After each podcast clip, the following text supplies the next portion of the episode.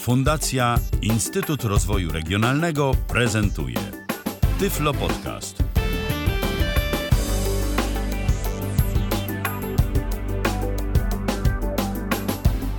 Dzień dobry, dzień dobry. Dzisiaj w audycji nas jest kilkoro, aczkolwiek y, akurat y, u mnie jeszcze w studiu jest y, kilka osób z rodzinki, także może być różnie.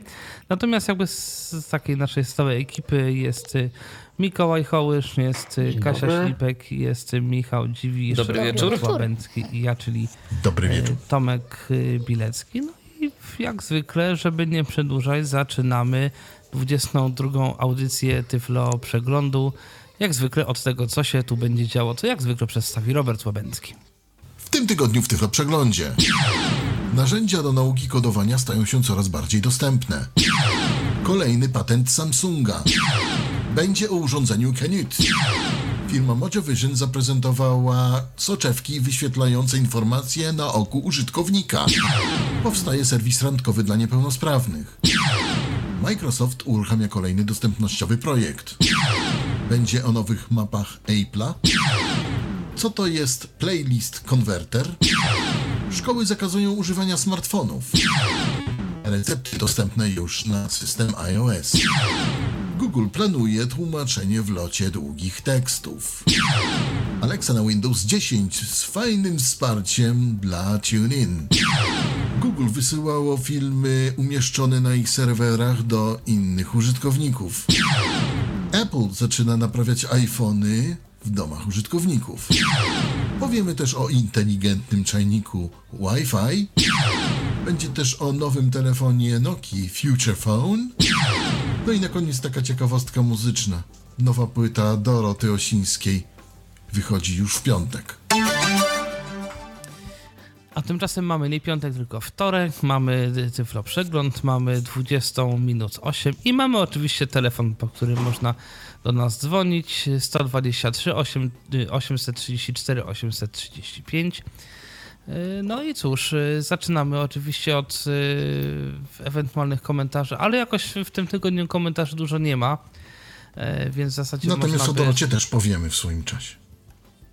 Tak, y, natomiast y, na pewno jeszcze powiemy o jednej rzeczy, o której tutaj nie napisaliśmy, czyli o ostatniej aferze ze sklepami, ze sklepem w zasadzie internetowym, y, ze sklepem bez cena, bo o tym się ostatnio mówi dużo. I ponoć nie tylko oni postanowili korzystać z takiego tak, modelu tak. biznesowego, tam już się pojawiają jakieś kolejne tak. sklepy i zaczyna to być rzeczywiście problemem. Tak, ale no, no o tym Problem za, o tym za jest czas. tego typu. A, okej. Okay. A tymczasem może zacznijmy rzeczywiście od tych takich rzeczy, które nas y, y, mogą interesować, nas jako niewidomych.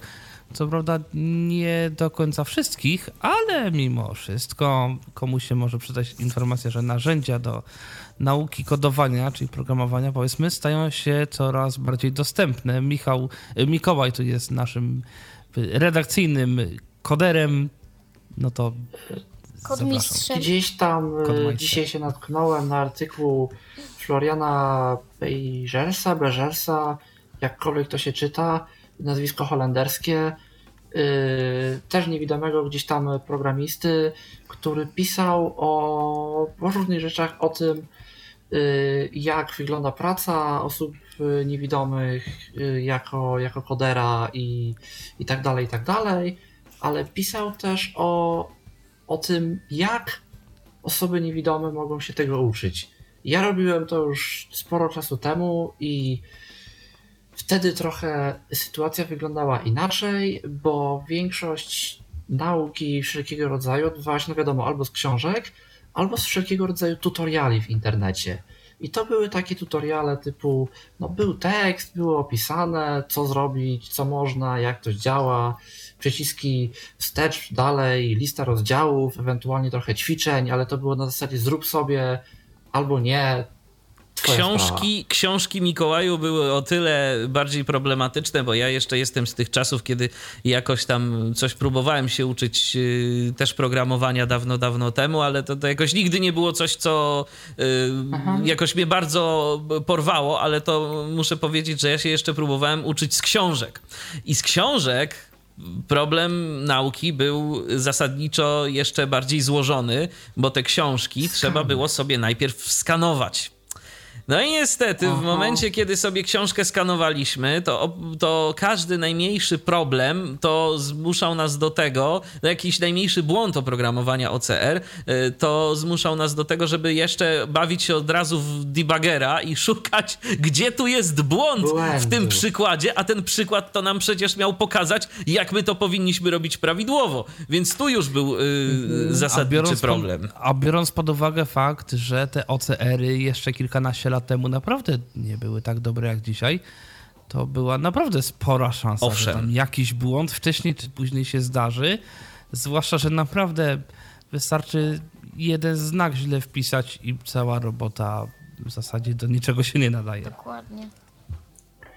Czyli wracając do tematu, wygląda, wygląda więc na to, że te moje czasy, gdzie ja właśnie poznawałem te podstawy, czyli rok powiedzmy 2000, nie wiem, 13, 12 do powiedzmy, nie wiem, no to, to myślę, że coś koło tego, do powiedzmy 15, y, to, to były czasy bardzo dobre, bo, bo faktycznie głównymi takimi materiałami, które, które były polecane, były takie proste tekstowe tutoriale. No i, no i one były i są zresztą do tej pory, bo jak najbardziej można znaleźć, całkiem ładnie, fajnie i dobrze dostępne. Bo, bo z tym nie było generalnie żadnych problemów.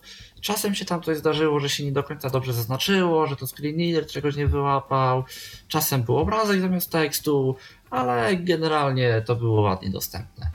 No ale teraz, w ciągu ostatnich kilku lat, się zaczęły pojawiać takie nowoczesne, nowa fala wszelkiego rodzaju interaktywnych środowisk.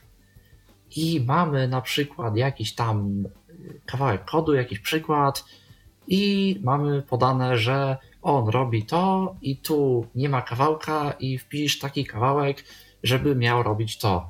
No i mamy normalnie pole edycji na stronie, mamy sobie wpisać, mamy sobie kliknąć przycisk uruchom i on nam powie, czy tak jest, dobrze, fajnie, wszystko działa, czy może jednak tutaj masz błąd i musisz to poprawić. No wiadomo, fajniej, tak łatwiej, jak mamy jakby na bieżąco jakieś środowisko, w którym możemy się bawić, w którym możemy coś robić bez nawet konieczności instalacji na dysku, czegokolwiek i tak dalej, i tak dalej, i tak dalej. I, i to jest tak naprawdę y, wśród osób widzących teraz, z tego co przynajmniej ja wiem, y, taka ścieżka, z której się bardzo często korzysta. No i dostępność tych środowisk była różna. Y, zwłaszcza tam był problem z edytorami, bo to były, to były te takie śmieszne edytorki. Ja teraz nie pytam, jak on się dokładnie nazywa, ale w każdym razie jest pole edycji. Wchodzimy sobie w to pole edycji, ruszamy się strzałkami, bo ja, ja te edytory parę razy widziałem. I, I nic. Jedyne, co tak naprawdę mogliśmy zrobić, to zaznaczyć wszystko, przekopiować to gdzieś, coś z tym zrobić i wkleić z powrotem co nie było ani fajne, ani przyjemne, ale jakoś się powiedzmy dało. No a reszta strony to też tak różnie z tym było. No i teraz dwa duże środowiska, takie właśnie do nauki, czyli Free Code Camp i Code Academy, yy, chcą działać w kierunku dostępności. Yy, Free Code Camp już w kierunku tej dostępności, z tego co wiem, zadziałał przynajmniej z tego, tak wynika z tego artykułu, mówię, bawić się tym w ostatnim czasie nie bawiłem, ale skoro donoszą, że dostępne jest i skoro robi to osoba niewidoma, to zakładam, że dostępne jest. No więc freecodecamp.com się podobno dostępny zrobił zdecydowanie bardziej, więc dla osób, które chcą typowo zaczynać, bo to, bo to dla nich jest gdzieś tam środowisko przeznaczone, można sobie wejść, popatrzeć i potestować. Drugim środowiskiem, który chce tę dostępność robić jest Code Academy, Code Cademy, też platforma właśnie do, do uczenia się programowania i wszelkiego rodzaju tego typu kwestii. Tam, z tego co wiem, ta dostępność to jest na razie na zasadzie będzie i chcemy, nie na zasadzie jest i zrobiliśmy. Co ciekawe, obie chyba te platformy yy, zawdzięczają dostępność edytorowi Monaco, yy, czyli webowemu edytorowi właśnie głównie przeznaczonemu do tworzenia, pisania kodu, który tę dostępność ma całkiem fajną. Ten edytor jest m.in. używany w programie Visual Studio Code, który zresztą jest całkiem fajnie dostępny ostatnio.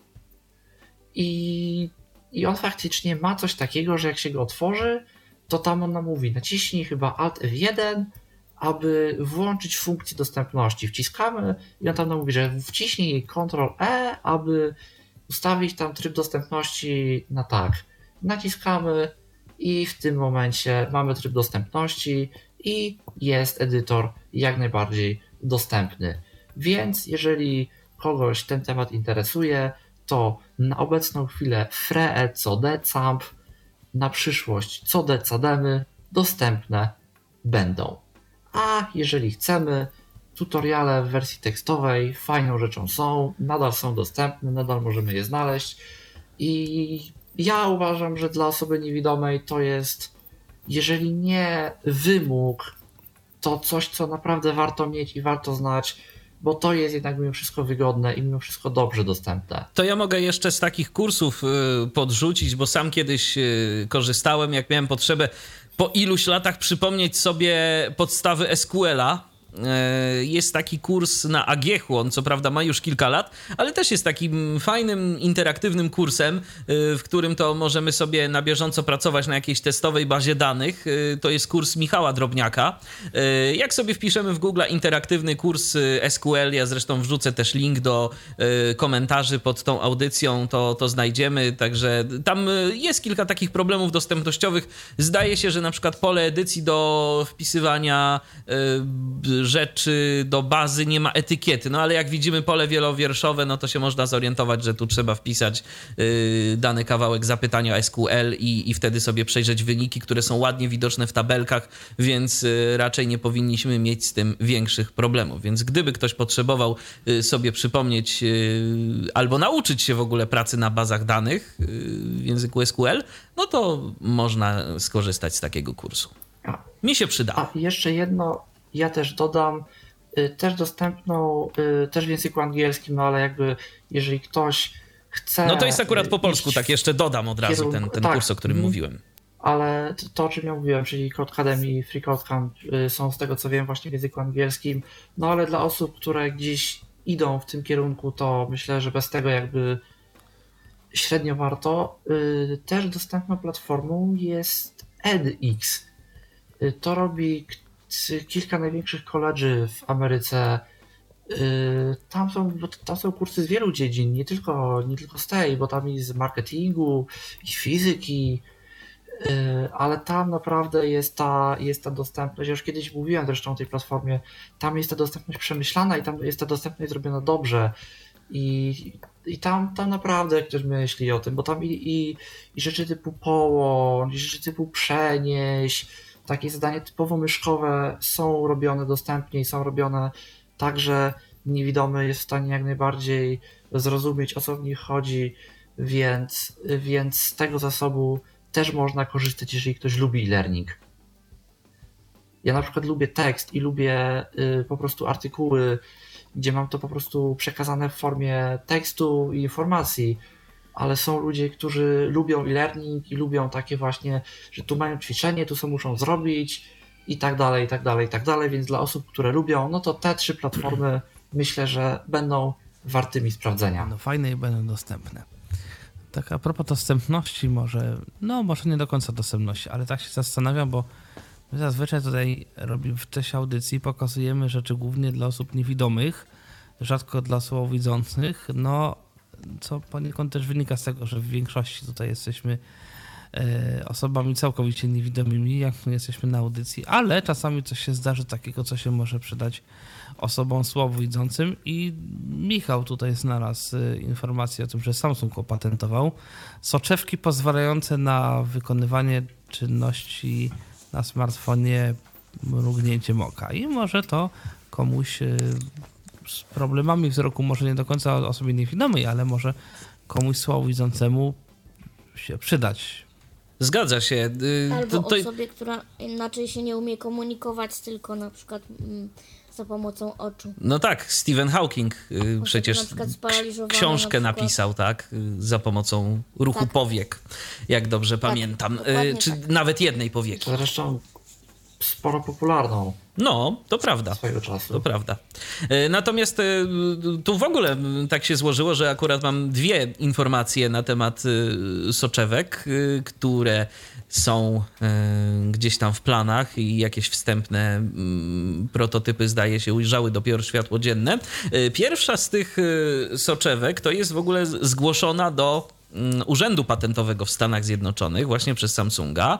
E, no i e, ta technologia e, ma pozwalać wykonywanie jakichś podstawowych czynności na telefonie mm, bez jego wyciągania. Zastanawiam się, jak to ma być rozwiązane. Czy w tych soczewkach ma być też jakaś kamera, czy coś podobnego, czy to, mm, czy jednak trzeba będzie ten telefon wyciągnąć, a ta soczewka ma być tylko takim spustem migawki. Ale ponoć nie tylko ma być to realizowane za pomocą e, nie tylko ma być realizowana możliwość zrobienia zdjęcia, ale też inne jakieś e, takie podstawowe e, rzeczy. Łącznie z tym, i tu już, i tak naprawdę to myślę, że od razu mogę powiedzieć o tych drugich no soczewkach, bo, bo one są bardzo podobne. Bo cała rzecz rozbija się o to, że Samsung też, i zastanawia mnie, jak to będzie w tych kwestiach patentowych później wszystko, bo Samsung też chce w późniejszym czasie wyświetlać różnego rodzaju obrazy e, na oku użytkownika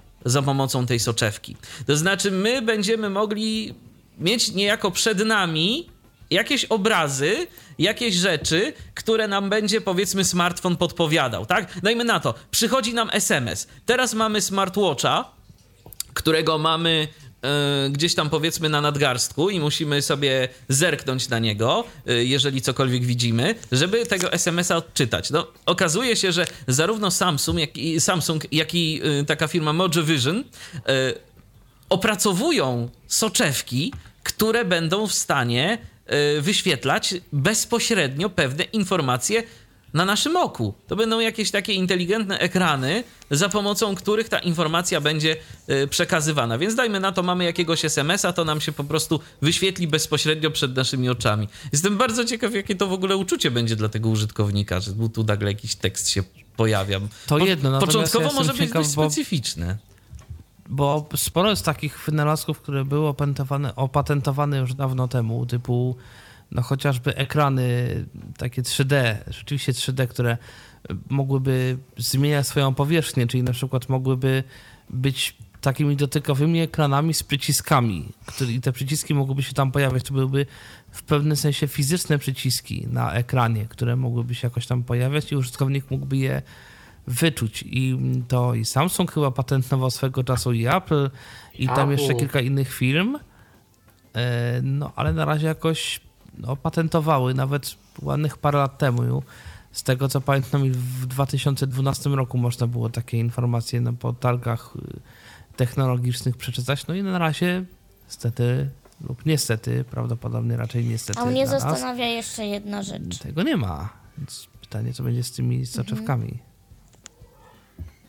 Mnie zastanawia jeszcze, jak to będzie. No, tutaj idę sobie, nie wiem, gdzieś drogą, widzę wszystko za pomocą oczu, widzę ten obraz jakby pierwotny, który mi się przed, znaczy, który, nie wiem, no, który widzę po prostu, jakieś tam, nie wiem, drzewa, domy i tak dalej, samochody, miasto i nagle co, pyk, pstryk i pojawia mi się tekst albo jakaś może mapa. Podejrzewam, że to będzie jakoś półprzeźroczyste, że ty będziesz sobie mogła za to zajrzeć, co się Ewentu- Tak, ewentualnie pamiętam. No bo to musi być jakoś Ewentualnie no też pamiętajcie, przecież... pamiętajcie o tym, że jakby nie musi to przysłaniać nam całego oka, tak? To może być tak, że gdzieś tam powiedzmy kątem oka będziemy widzieć ten tekst Y, tak mi się wydaje, że po prostu, no, nie, bo to zdecydowanie nie byłoby dobre, jeżeli na przykład idziemy, a tu nagle bach, powiedzmy jakaś, chyba w jakiejś książce coś no, takiego nawet dokładnie. czytałem kiedyś, w jakiejś książce takiej y, SF, gdzie, że ludziom się nagle na y, powierzchni całego oka, powiedzmy, wszystko im przesłaniały jakieś reklamy,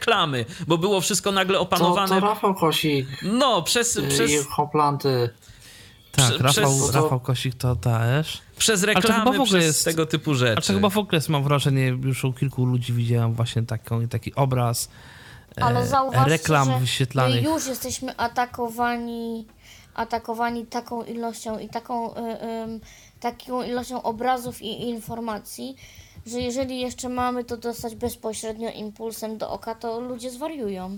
Wydaje mi się, że wiesz co, że wszystko jest e, zależne nie, ale... od tego, jak będziemy chcieli z tego korzystać. No bo y, wiesz, ja wychodzę z takiego założenia, że jeżeli ktoś będzie faktycznie chciał korzystać z takich soczewek, to sobie je jakoś mądrze ustawi. Więc na przykład będzie chciał otrzymywać tylko konkretne powiadomienia, tak jak na przykład na inteligentny zegarek możemy sobie wysłać tylko konkretne powiadomienia. Oczywiście możemy zdublować wszystkie powiadomienia z naszego telefonu, ale wcale tak nie musi być i możemy otrzymywać tylko te najważniejsze. A już w ogóle na nasze oko, yy, to myślę, że zdecydowanie będziemy chcieli to ograniczyć, żeby się po prostu nie rozpraszać. Ale pomyślmy też o innej rzeczy, bo, bo okej, okay, soczewki wyświetlane na oku i tak dalej, i tak dalej, i tak dalej. Tylko czy za chwilę na przykład nie dojdzie do tego, że te soczewki będą na przykład wiedzieć, na co my patrzymy. I teraz Y, powiedzmy wykrywając, wiadomo, że to jest y, trochę patrzenie w przyszłość, ale, ale kto wie, powiedzmy wykrywając na jakich typach osób, powiedzmy płci przeciwnej, yy, mamy chęć zatrzymywać wzrok i na jakich typach zatrzymujemy wzrok, yy, wykryją jaki jest nasz, tak powiem, ulubiony profil i to, nas, to nam będą pokazywać w reklamach. Ależ oczywiście, że tak, oczywiście, ale że tak. wiesz co, I myślę, że to wszystko ma swoją cenę i będą i będą nakłaniać użytkowników do, do włączenia takiej zgody. Na przykład w taki Aha. sposób, że gdy będziesz patrzył na jakiś produkt, to oni będą w stanie coś powiedzieć o tym, typu na przykład patrzysz na samochód i będą w stanie, to jest samochód taki a taki, on kosztuje tyle a tyle i tak dalej, i tak dalej. Jak spojrzysz Aha. na jakiegoś znajomego, i powiedzmy ten znajomy będzie miał urodziny, no to powiedzmy wyświetli się nad jego głową, nie wiem, tort czy, czy tam cokolwiek. Jakaś przy, przypominajka, e, tak? że Przypominajka albo jakieś notatki, które sobie ten użytkownik albo cokolwiek. Szczerze mówiąc, I, mnie to jakoś nie przeraża, po prostu tak będzie i już. Dokładnie, to tak jak teraz. Każdego, kto ma coś w faktach. No na przykład, no tak, ja oczywiście. Myślę, oczywiście, wiesz, i, i, na przykład, i na przykład ja myślę, że już podobne, czy przypadkiem, słuchajcie, ale czy przypadkiem już gdzieś y, policja czegoś takiego nie stosuje? Wydaje mi się, że, że może nawet coś być. Jest, tak, jest coś takiego. Ja o tym czytałem kiedyś, że na przykład policjant jest w stanie, czy w jakieś okulary... Policjant i chyba wojsko. I wojsko, tak. I w tym momencie... o czymś tak, o czymś tak, takim, tak, tak. jakieś okulary zintegrowane tak. z jakąś bronią. Można było z patrzeć, bronią tam to jakiś jedno, celownik, tam coś tego. Z bronią, generalnie. Tomku, to jest jedno, ale to jest zupełnie jeszcze inna rzecz, ale mi bardziej chodzi o to, że już zdaje się, że w, y, służby mają, może niekoniecznie u nas, tak, ale w Stanach to zdaje się, że y, tak, że mają takie technologie, za pomocą których możemy sobie, y, na przykład idziemy gdzieś i widzimy kogoś i że nam się w tym momencie wyświetla alert, że wizerunek tej osoby jest w jakiejś bazie, powiedzmy FBI o y, przestępcach, albo że z, dużą, z dużym prawdopodobieństwem ten wizerunek jest y, w tej bazie. Możliwe. Albo że ta osoba jest poszukiwana, tak, na przykład tak, tak, tak, tak, przykład, tak, czy cokolwiek. Tak. No. Więc ja myślę, że to jakby prędzej czy później to się tak stanie, bo ludzie chcą takich rzeczy. No my chcemy wiedzieć jak najwięcej. Oczywiście to będzie miało swoją cenę, bo to też trzeba podkreślić, że wszystko ma swoją wszystko cenę. Ma nie swoją ma rzeczy, cenę. nic nie ma za darmo. No i ceną będzie właśnie profilowanie i zbieranie przeogromnej ilości danych, przy której podejrzewam dzisiejsza, to co my dzisiaj uważamy za dużo, to będzie nic. No ale no, no to tak. tak po prostu już jest. No, z drugiej strony nikt, nikt nikogo nie zmusza do zakładania konta na Facebooku i teoretycznie jak ktoś chce, to może pracować jako kowal na przykład, e, ogłaszać się na słupach ogłoszeniowych albo w ogóle pocztą pantoflową i, ko, i kto zabroni? Dokładnie. Także wszystko to jest taki trochę pozorny, ale jednak nadal wybór. Tak. E, dobra, słuchajcie, bo o tym możemy też jak zwykle długo, a tymczasem tak. różne urządzenia powstają, które też jakoś tam są mniej lub bardziej rewolucyjne, między innymi Canute, o którym też chyba już kiedyś mówiliśmy. E, I powstał nawet podcast o tym urządzeniu, słuchał go Mikołaj Hołysz. Zdaje się. Kanucie. Ale mówimy o... Wpisałeś coś takiego, coś o urządzeniu Canute, o którym Dawid Woodbridge yy, tak, nagrał a, podcast. To, to, to. Tak, yy, jest urządzenie Canute, yy, o którym się mówiło sporo. Mówiło się sporo od dobrych kilku lat. Yy, czym to urządzenie jest? No czymś, czego na rynku jeszcze nie było, czyli czytnikiem książek brajlowskich. Dziewięciolinowym czytnikiem. Na razie niedostępne jeszcze w Polsce, przynajmniej z tego co wiem ale gdzieś się pojawiły pierwsze, przynajmniej pierwsze, z tego co ja wiem, recenzje użytkowników bodajże ze Stanów. Bo właśnie David Woodbridge przeprowadził rozmowę y, na Zoomie z jakąś y, panią, która to urządzenie zanabyła i opowiedziała o swoich wrażeniach. Linka do podcastu wrzucimy w komentarzach. Y, tam jest cały transkrypt spisany i jest ramka do której sobie możemy przejść literką M z odtwarzaczem audio. Naciskamy sobie play i możemy sobie posłuchać całego podcastu. Yy, coś może więcej o urządzeniu. Czym jest urządzenie? No, jak już wspomniałem, jest czytnikiem książek bądź wszelkiego rodzaju plików w Braille'u. Ma linii 9 a, jed... a grafika? Yy, Chyba nie. Inaczej.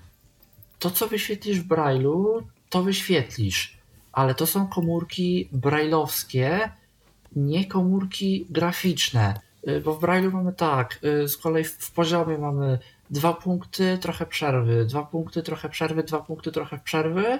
W pionie mamy 3 bądź 4 przerwa, 3 bądź 4 przerwa, 3 bądź 4 przerwa. Mm. W zależności czy 6 punkt, czy 8 punkt.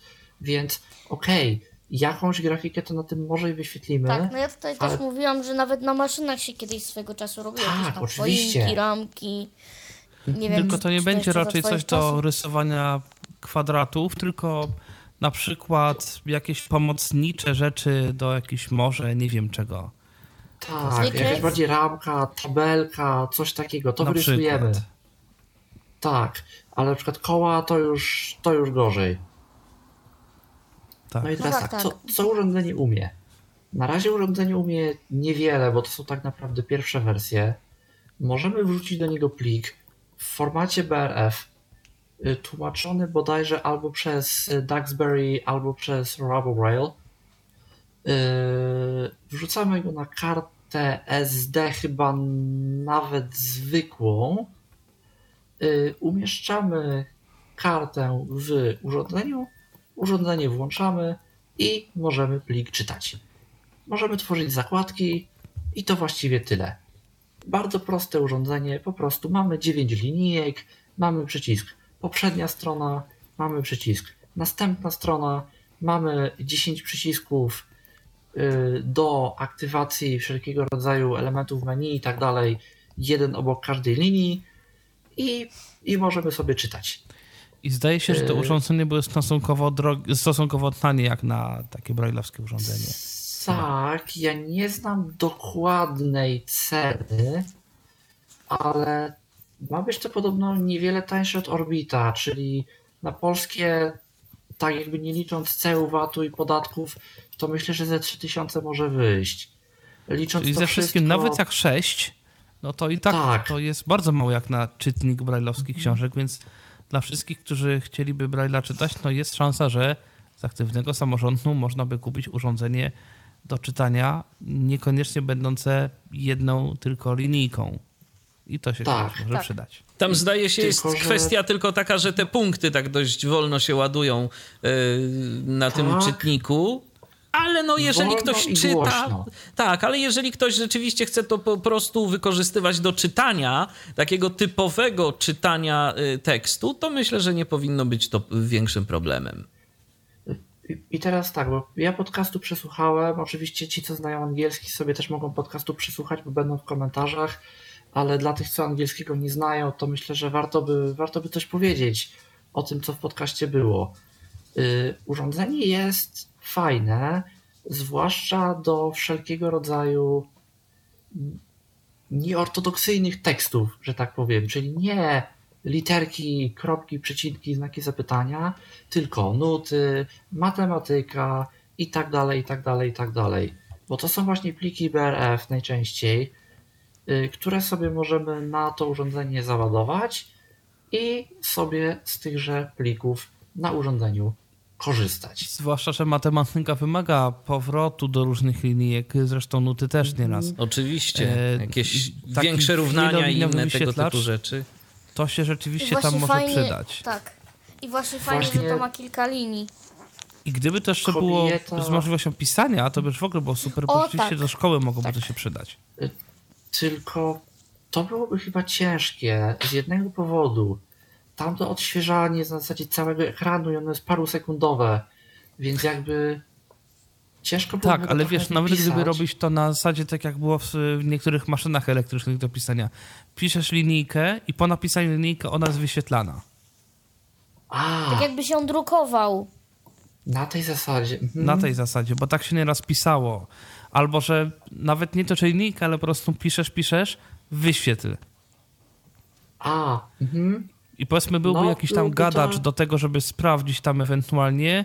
Jak już wiemy, że tak. napisaliśmy, powiedzmy, nie, zadanie na matematykę, no to możemy teraz to wyświetlić. I tam powiedzmy sobie tam coś liczymy, piszemy sobie po kolei mhm. jakiś tam kolejny etap rozwiązania, wyświetl.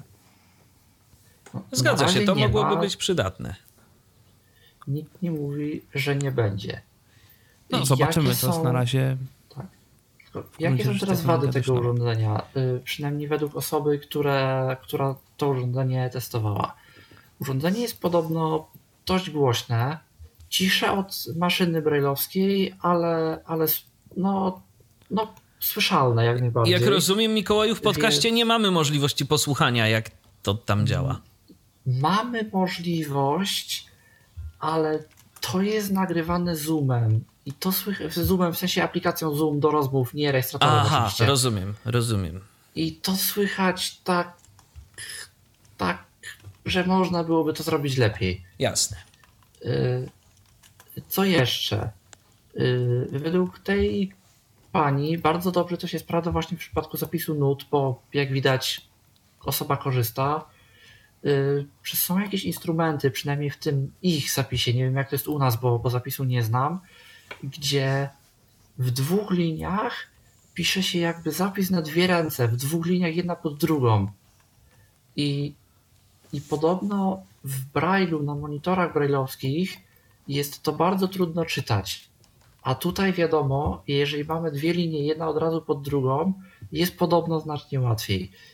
Mówię, ja się nie bawiłem, y, powtarzam tylko to, co, co mówi podcast. Y, no i, i kolejna wada, myślę, o której warto tu wspomnieć.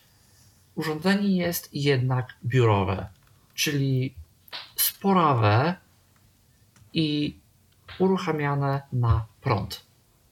Na razie, z tego co wiem, nie ma baterii. Czyli no, to jest ewidentnie po prostu urządzenie do postawienia Takie stacjonarne, domu, tak. Na biurku. No. Tak. Nie do podróży. sobie. Tak. Wgranie sobie książek, i używanie. Ewentualnie, nie wiem, jedziemy do kogoś i wiemy, że tam sobie posiedzimy tydzień, to możemy to zabrać, ale, ale nie na zasadzie, że sobie usiądziemy w pociągu, wyciągniemy i zaczniemy czytać. Czyli akurat właśnie między innymi do szkoły mogłoby to być. No tak. Stoi no to tak. gdzieś w klasie i... I jest używane. I, i nie, nie byłoby to w sumie nawet takie głupie.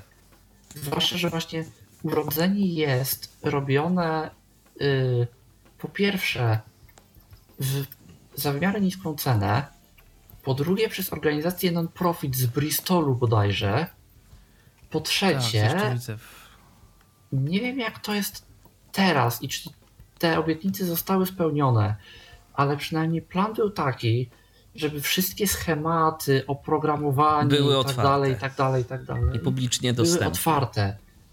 Jest, jest film na YouTubie z jakiejś takiej konferencji tak zwanych hakerów, Oczywiście w znaczeniu majsterkowicz, inżynier, ktoś, kto lubi się bawić, nie w znaczeniu włamywacz, niszczyciel komputera, właśnie chyba z Bristolu, gdzie kilku inżynierów opowiada o tym, jakie trudności napotkano przy, przy tworzeniu tego urządzenia, y, co zrobiono, w jaki sposób zrobiono, jak to technicznie, fizycznie zaimplementowano, jakie rozwiązanie inżynier, inżynieryjne zastosowano.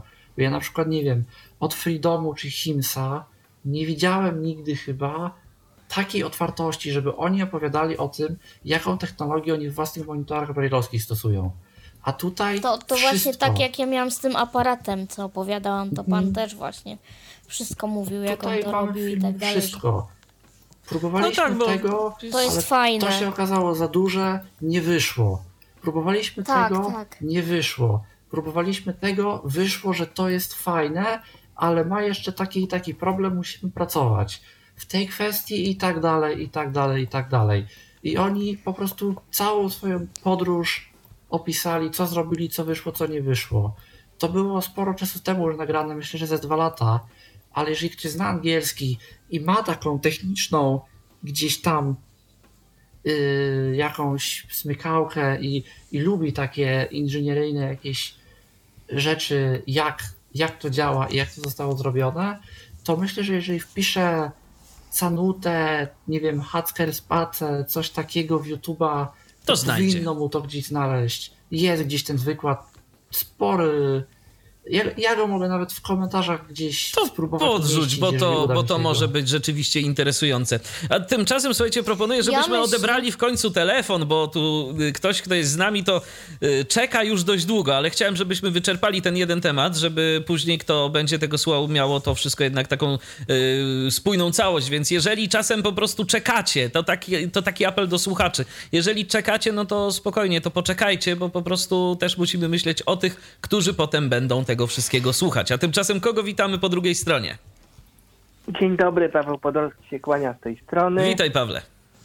Tyflo Przeglądu słucham z opóźnieniem przeważnie, ale wiem, że trzeba poczekać, także spokojnie.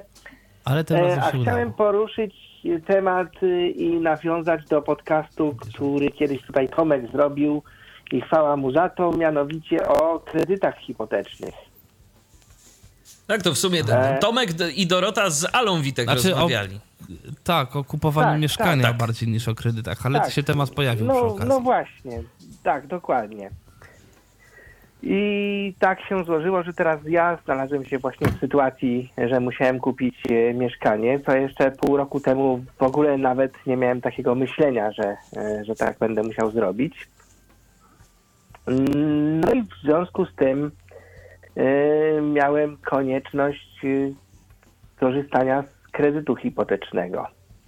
I co się okazuje, że w przypadku niewidomych to wcale nie jest taka prosta sprawa, e, gdyż e, w ogóle przejście samodzielnie przez kupno mieszkania od momentu wyszukiwania ogłoszeń e, poprzez wybór tego mieszkania do momentu uzyskania kredytu, no to jest dosyć skomplikowane. Dużo tutaj myślę zawdzięczam e, życzliwości pracowników e, biura nieruchomości. Ja się zdecydowałem na zakup mieszkania w, w Bytomiu i natrafiłem na świetną osobę z biura nieruchomości, która rozmawiając ze mną prawie godzinę. Poinformowała mnie od y, tego, w których dzielnicach y, szukać lub nie szukać, bądź na co zwracać uwagę, do tego, w których bankach brać bądź nie brać kredytów hipotecznych i dlaczego.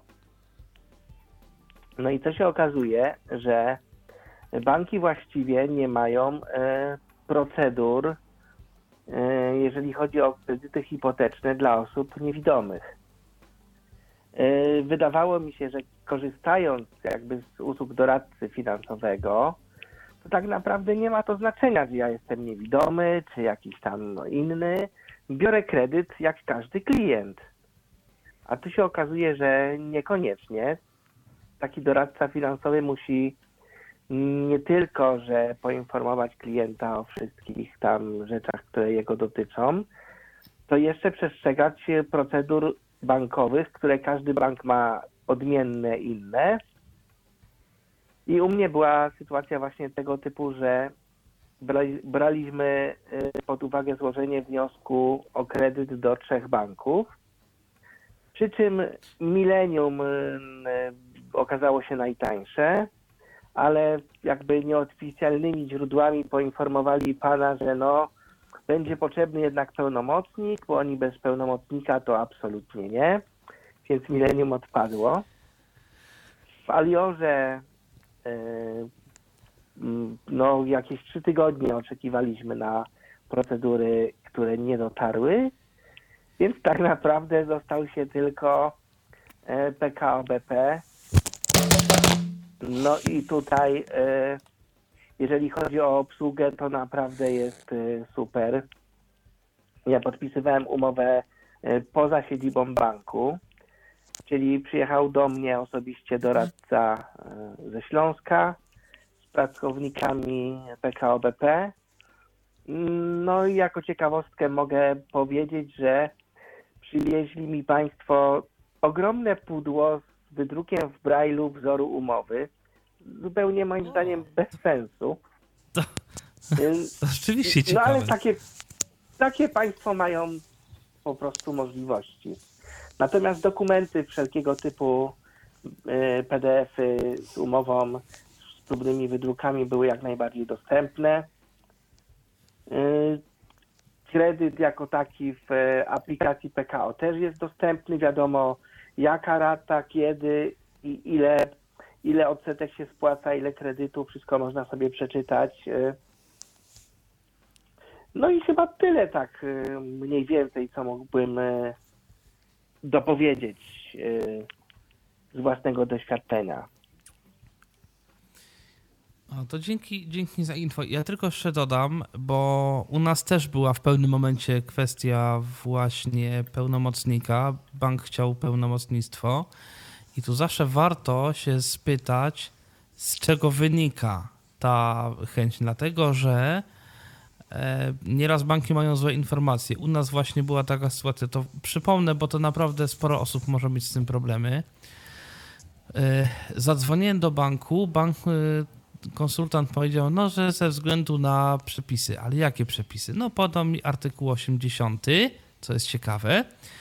I teraz ja mówię, bo według konsultanta artykuł 80, który został zdjęty, pozwalał właśnie na, e, na podpisywanie samodzielnie, ale został zdjęty i teraz trzeba to robić z pełnomocnikiem notarialnie upoważnionym. I ja się go zapytałem, proszę pana, to w takim razie bardzo proszę w tej chwili przeczytać treść artykułu 80. I okazało się, że artykuł 80 mówi o czymś wręcz przeciwnym, to znaczy właśnie, że trzeba mieć pełnomocnika. I ten artykuł został, y, no, został skreślony i od tego czasu y, tego nie trzeba mieć. I E, pytanie, czy w Millennium również nie było właśnie takiej sytuacji, dlatego że... Że skoro oni nie mają procedur, to być może nawet nie bardzo są przygotowani na, na taką ewentualność i... Też tak myślę, no była I mało tego, i to sprawia...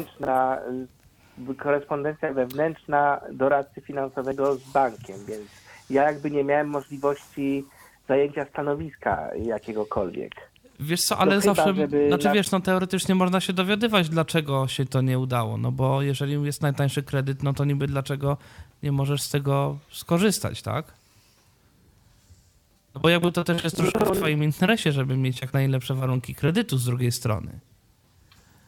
No e, tak, więc... tylko to nie były jakieś duże akurat różnice między Millennium a, a, a PKO. Nie, no jasne, ale tak mówię, w razie czego to warto się gdzieś nam dopytywać, no i niestety to jest to, czego bardzo nie lubię, ale no niestety trochę musimy czasami wiedzieć różne rzeczy na temat, y, na temat tego, co nas jakby dotyczy i nie dotyczy, bo potem możemy mieć takie problemy. Zwłaszcza, że w moim przypadku y, konsultant konsultował, konsultant konsultował się z doradcą prawnym. To znaczy, że teoretycznie osoba, która zajmuje się prawem, powiedziała, że ten artykuł dotyczył właśnie tego, że nie trzeba tego nie trzeba, nie, no jakby źle w ogóle zupełnie na odwrót odczytał ten artykuł. W związku z powyższym jest to dziwne, ale tak się zdarza. I jeżeli tylko można, to warto gdzieś tam napierać, bo, e, bo to czasami może wyjść tam naprawdę na, na dobre. I tu naprawdę rzeczywiście gdzieś tam e, taki, może nie to, że apel, no bo to trudno jest znać wszystkie e, prawa, które, które my możemy mieć. Natomiast jeżeli jest taka możliwość, to warto przed, zwłaszcza tak, no, taką procedurą, która naprawdę ma długofalowe skutki, bo przecież kredyt będziemy płacili 20 albo czasem 30 lat. I warto się tutaj zakręcić i się dowiedzieć, co możemy, czego nie możemy, jakie problemy mogą nam banki tutaj stwarzać i czy można te problemy ewentualnie rozwiązać. Także no to tak ode mnie, bo my no, też u mnie taką dziwną sytuacją w tym kredycie jest to, że wraz z kredytem, ponieważ to była najtańsza opcja, zostało mi sprzedane ubezpieczenie na wypadek, gdybym został inwalidą i na wypadek utraty y, przeze mnie pracy. No przy czym pierwszą opcję już mam, jak najbardziej orzeczenia pierwsza grupa jest, więc ubezpieczenie mnie nie obejmuje. Natomiast w przypadku, gdybym rzeczywiście utracił pracę, okazuje się, że ubezpieczenie również mnie nie obejmuje, ponieważ y, mam rentę. W związku z tym bank ma z czego kredyt ściągać. Dlatego ja chciałem przestrzec przed wszelkiego typu ubezpieczeniami, bo dla mnie to jest po prostu banda oszustów i naciągaczy. O. No, to jest właśnie kolejna taka rzecz, więc naprawdę warto się wszystkiego dowiadywać, y, bo może się okazać różnie. A banki bardzo często przy kredytach gotówkowych już teraz wymagają ubezpieczenia kredytu. Jest to jedno z drugim powiązane, więc państwo mają po prostu żyłę złota w tych ubezpieczeniach. No dobrze, to no dziękujemy Pawle za telefon w takim razie i za podzielenie ja się swoją dziękuję. historią. I, dziękuję, trzymajcie się, hej. I miłego użytkowania nowego mieszkania. Tak jest. A dziękuję bardzo, dziękuję, trzymajcie się, hej. Pozdrawiamy. Słuchajcie, trochę podobna sytuacja to z tymi kredytami, yy, przynajmniej jakby na, na podobnej zasadzie działająca, występuje też w liniach lotniczych. Bo mi się to co prawda nie przydarzyło, ale że tak powiem, na tym samym wydarzeniu, y, na którym ja byłem, to był ICC Weekend w Belgii w listopadzie 2019, y, była grupa osób z Czech bodajże, które z kraju wyleciały, ale żeby wrócić do kraju, to już był większy problem, bo któraś ze stewardess powiedziała, że niewidomy bez opiekuna nie poleci. I było sporo dyskusji nad tym, że ten niewidomy bez opiekuna jednak polecieć może. Przy czym każdy stał przy swoim. Y, potem sytuacja została gdzieś tam y, przekazana komuś wyżej, trafiła do kapitana samolotu i nagle jakimś cudem niewidomy został od razu wpuszczony na pokład samolotu. Y, co się, co się okazało potem? jest dyrektywa Unii Europejskiej. Ja się postaram ją znaleźć, ale ja nie obiecuję, że mi się to uda, bo ona jest podejrzewam, że gdzieś zagrzebana u nas w konwersacji i ciężko będzie mi to teraz znaleźć. Ale jest dyrektywa Unii Europejskiej, która mówi, że linia lotnicza z 2006 roku, jeżeli dobrze pamiętam, że linia lotnicza nie ma prawa wymagać od osoby niepełnosprawnej posiadania opiekuna. Więc jeżeli ktokolwiek, przynajmniej w Europie, yy, będzie wam próbował wmówić, że wy nie polecicie i że wy musicie mieć przewodnika i opiekuna, to ten człowiek absolutnie nie ma racji i macie jak najbardziej prawo lecieć i czy linia lotnicza chce, czy linia lotnicza nie chce, ma obowiązek według prawa Unii taką możliwość wam zapewnić. A jeżeli nie, to możecie narazić ją na bardzo poważne konsekwencje. No tak. E, może może jakby to powiedzieć, no zmieńmy troszkę te takie tematy, dość, o których czasami się włos na głowie jeży. E, Microsoft mm, uruchamia kolejny dostępnościowy projekt, tym razem jest to projekt Tokio. Coś, coś nazywa projekt Tokio, czyli opaska dla niewidomych. To znaczy, to na razie jest opaska czy... dla niewidomych. To na razie jest opaska dla niewidomych yy, i na razie yy, efekt działania tej opaski jest taki bardzo podstawowy. To znaczy, wykorzystuje już, mam wrażenie, trochę to, co mamy w aplikacji Sync AI, yy, bo opisany ten projekt na stronach nawet samego Microsoftu był następująco, że y, dzięki tej smart opasce, która jest noszona na y, głowie, y, możemy się dowiedzieć, gdzie y, użytkownik, którego gdzieś tam powiedzmy jesteśmy w stanie rozpoznać, się znajduje i kim ten użytkownik jest. To znaczy, na przykład mamy ileś osób w pomieszczeniu kierujemy głowę w stronę konkretnego użytkownika, jest, jesteśmy na niego jakby naprowadzani w pewnym sensie takim sygnałem i potem dostajemy informację, kim ta osoba jest, kogo, yy, kogo mamy przed sobą. Tylko, że to jest na razie jakiś początek. Ponoć yy, zadaniem tego projektu, tak jak wyczytałem, yy, mają być jakieś kolejne rzeczy, które będą w stanie właśnie za pomocą y, AI, czyli mm, sztucznej inteligencji, E, pomagać osobom z różnymi niepełnosprawnościami. To jest na razie początek. A co będzie dalej? E, ponoć w ogóle ten cały projekt się narodził przy okazji innego takiego projektu Microsoftu. To się bodajże Code Block nazywało, czy jakoś tak, czyli te takie... Code Jumper? Tak, Code Jumper, Code Jumper, tak, Code Jumper.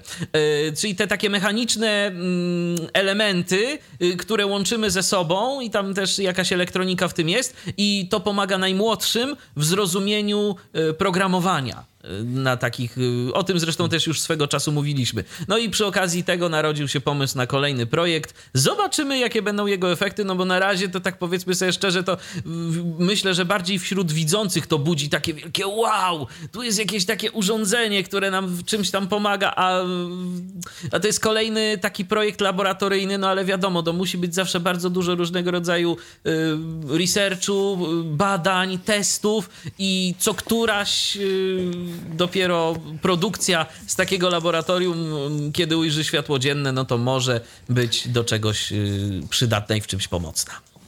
Bo ja w ogóle tak sobie niedawno rozmawiałem z jednym znajomym i tak doszliśmy do takiego w sumie dość smutnego wniosku, y, że problem jest, znaczy jest wiele problemów mm, w ogóle ludzi, ale no tutaj się skupiliśmy na problemów naszych, na naszych problemach osób niewidomych, które można może nie do końca, ale częściowo rozwiązać bardzo, bardzo małym kosztem, ale one nie powodują efektu wow, w związku z tym są w zasadzie nierozwiązywalne.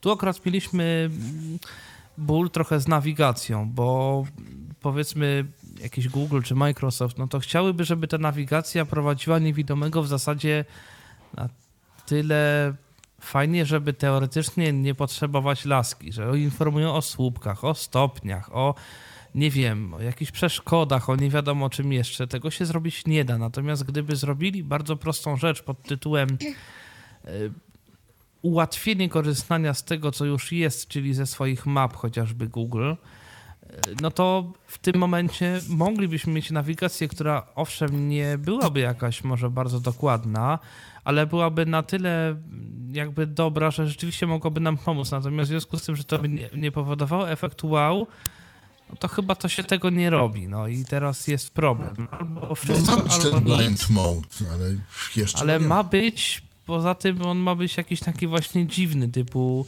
no właśnie, że tam ma mówić o jakichś skrzyżowaniach i co Przede wszystkim w tym stronie, blind mode nie ma ani słowa jeszcze. o jego konfigurowalności, a tu może być jednak z tym problem. A chociażby no taka kwestia, żeby y, można było sprawdzić sobie w mapach Google, co mamy w pobliżu. Tak, rzeczywiście wszystko, co mamy w pobliżu, to nie ma.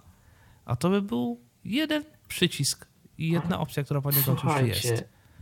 No ja mam wrażenie, problem. że większość firm może poza Applem, chociaż na, nawet tego nie jestem pewien, robi dostępność A, bo musi, albo B, żeby było dla marketingu, że o, my wspieramy środowisko, my zatrudniamy kobiety, my jesteśmy za i tolerujemy no, LGBT no tak, i my dostępność też robimy. Tak, oczywiście. Znaczy, poza, po, wydaje mi się, że poza Applem, ale kiedy był w nim Jobs.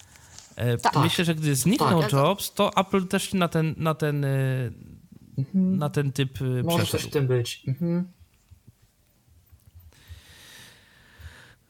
To Mikołaju, no może jak już jesteś tutaj przy słowie, bo już nie ma co też tego tematu ciągnąć, to tak na taki ostatni temat związany z Tyflo, ale to nie jest ostatnia rzecz w Tyflo przeglądzie, absolutnie, tylko ostatnia rzecz związana taka typowo z Tyflo. A godzinka za nami. A godzinka za nami, no to właśnie znalazłeś portal randkowy dla osób niepełnosprawnych. Tak, przewinął się z dużym hukiem przez amerykańskiego Twittera ostatnio, bo dopiero powstał yy, portal nazywa się Cupid's Arrow, adres bodajże cupidsarrow.club. Będzie też podany w komentarzach link. No, jest, jak sama nazwa wskazuje, na razie amerykańskim, w sensie w języku angielskim dostępnym, tak naprawdę dostępnym dla wszystkich, bo kraj Polska jest jak najbardziej do wyboru, y, portalem właśnie randkowym dla osób niepełnosprawnych. Możemy się zarejestrować, założyć profil, y, podać jakby niepełnosprawność, podać y, lokalizację naszą. To jest w ogóle ciekawe, bo spróbowałem z redaktorskiej ciekawości, y, żeby móc coś na ten temat powiedzieć, założyć to konto. No i konto mi się założyć udało, ale podczas zakładania konta patrzę kraj lokalizacji Poland, domyślnie wybrany. Kod 62 myśli coś tam, coś tam, coś tam. Mówię, o, mój region. Lokalizacja, y, geolokalizacja. Tak, lokalizacja Wronki. No co prawda, Wronki ode mnie to trochę daleko są, ale jakby województwo to samo i w miarę, w miarę, w miarę. Co się okazało? On bierze lokalizację z naszego adresu IP. I póki ktoś mieszka w mieście o wielkości takim jak moje, albo nawet wiosce w sumie, to pokaże mu wronki ale podejrzewam, że ktoś mieszka w Warszawie, względnie korzysta z jakiegoś operatora typu tak jak ty Michale korzystasz z Evendo. Tak, gdzie, gdzie bardzo ładnie lokalizację y, pokazuje. Tak, u mnie zawsze pokazuje tak. i ławę, bo klasa należy do konkretnego operatora, który się właśnie w Iławie mieści. Dokładnie. No to, to w takim No to u mnie wypadku... pokaże Poznań. A, no to w takim wypadku podejrzewam, że y, pokaże faktycznie y, lokalizację y, taką, jaką powinna. Co ciekawe, wpisałem kod pocztowy, co prawda nie mojej miejscowości, ale mojej gminy i po kliknięciu przycisku Look Up jak najbardziej wyświetliła się nazwa miejscowości. Oczywiście ja to potem zmieniłem, bo nie chcę podawać tak szczegółowych danych, tak dokładnych danych, ale, ale jakby to jest, to jest taka ciekawostka, bo, bo nigdy, nigdy tego wcześniej nie widziałem, żeby tak automatycznie się lokalizacja robiła.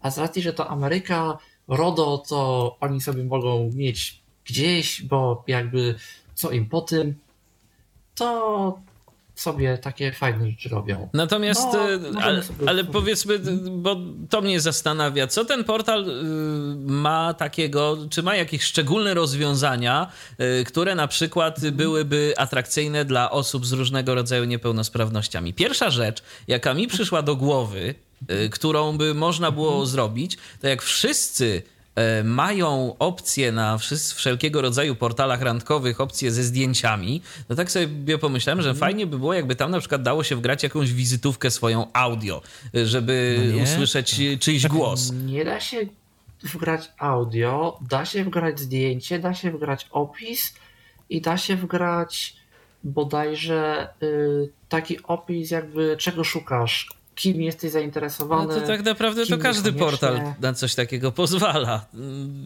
Dokładnie, jakby, no pewnie ten portal to, ma jakieś tam dobrze on nam daje? albo i nie. Po pierwsze daje nam bardzo dobrą dostępność i to taką dostępność na zasadzie trwa ładowanie. Ładowano. Aha. Coś tam. Zalogowano. Masz zero nowych powiadomień.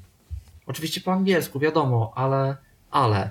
Y, I druga rzecz, którą nam daje, daje nam przy wyszukiwaniu wybór, co nas interesuje pod względem niepełnosprawności. Mamy pola wyboru możemy sobie na przykład zaznaczyć y, any, czyli że wszystkie, możemy sobie zaznaczyć na przykład no disability, czyli że pełnosprawni, ale możemy sobie na przykład zaznaczyć blind i w tym momencie będzie szukał osób niewidomych. A są osoby, które po prostu czują się jakoś bardziej komfortowo, bo spotkałem się z takimi opiniami, że oni to tylko z osobami niewidomymi i yy, jakby no chcą po prostu No tak, rzeczywiście są znaleźć. osoby, które, które rzeczywiście tak są i, i już. I, tak. I się I deklarują. No i jakby, może dla tych osób byłoby to jakieś rozwiązanie. Tak. Na zwykłym portalu no, będzie ciężko na czymś takim można. Można. Tylko pytanie jak z bazą mm. użytkowników, no ale to już jakby y, kwestia tego, ile osób będzie z nie tego jest za dobrze, korzystało. Bo faktycznie jak wybrałem, y, y, jak dałem jakby zapytanie do bazy do użytkowników, osoby niewidome, kraj pochodzenia dowolny, wiek tam było wpisane chyba 18, 20 niewiele, y, płeć kobieta, to znalazło wyników kilka. Także strony o. to się nie przewijało. No tak to, powiem. No to rzeczywiście powiedzmy nie ale, ma za dużo. No ale tak, na, na jeżeli razie, to dopiero startuje, no to jest szansa, że się, że się tak. gdzieś tam tak. powiększy. No zobaczymy. Chociaż zobaczymy, jakby trochę średnio wierzę, że to wyjdzie, bo portal do końca lutego ma być darmowy, a potem Oj. w sumie to nie wiadomo, w jakim stopniu on będzie darmowy. Okej. Okay. No to myślę, że z a taką bazą by użytkowników świata nie podbije. Było. No cóż. Chociaż, w, Stan chociaż w Stanach może ktoś, chociaż w Stanach może ktoś sobie tam kogoś i znajdzie. Zobaczymy. E, I zrobią ja tym. Mimo wszystko wrażenie, że show. wszelkiego rodzaju inne kanały komunikacji z Team Talkiem na czele jednak pozostaną głównym tak podejrzewam, ale no, no zobaczymy. Źródłem zbiorowym e, W każdym razie zmieniamy no, sekcję, można powiedzieć, naszej audycji. Rubriczkę. Przechodzimy do tak, rubryczkę, przechodzimy do technikaliów i pierwszy taki news, który mam tutaj w naszym redakcyjnym notatniku dotyczy map aplowskich, które mają być dostępne dla wszystkich w USA. E, mapy nowe Apple'a, ja nie mam Apple'a, więc tutaj nie poprawcie w razie gdyby co, mają być nowe, fajne i super. I Apple ma dogonić i przegonić Google'a.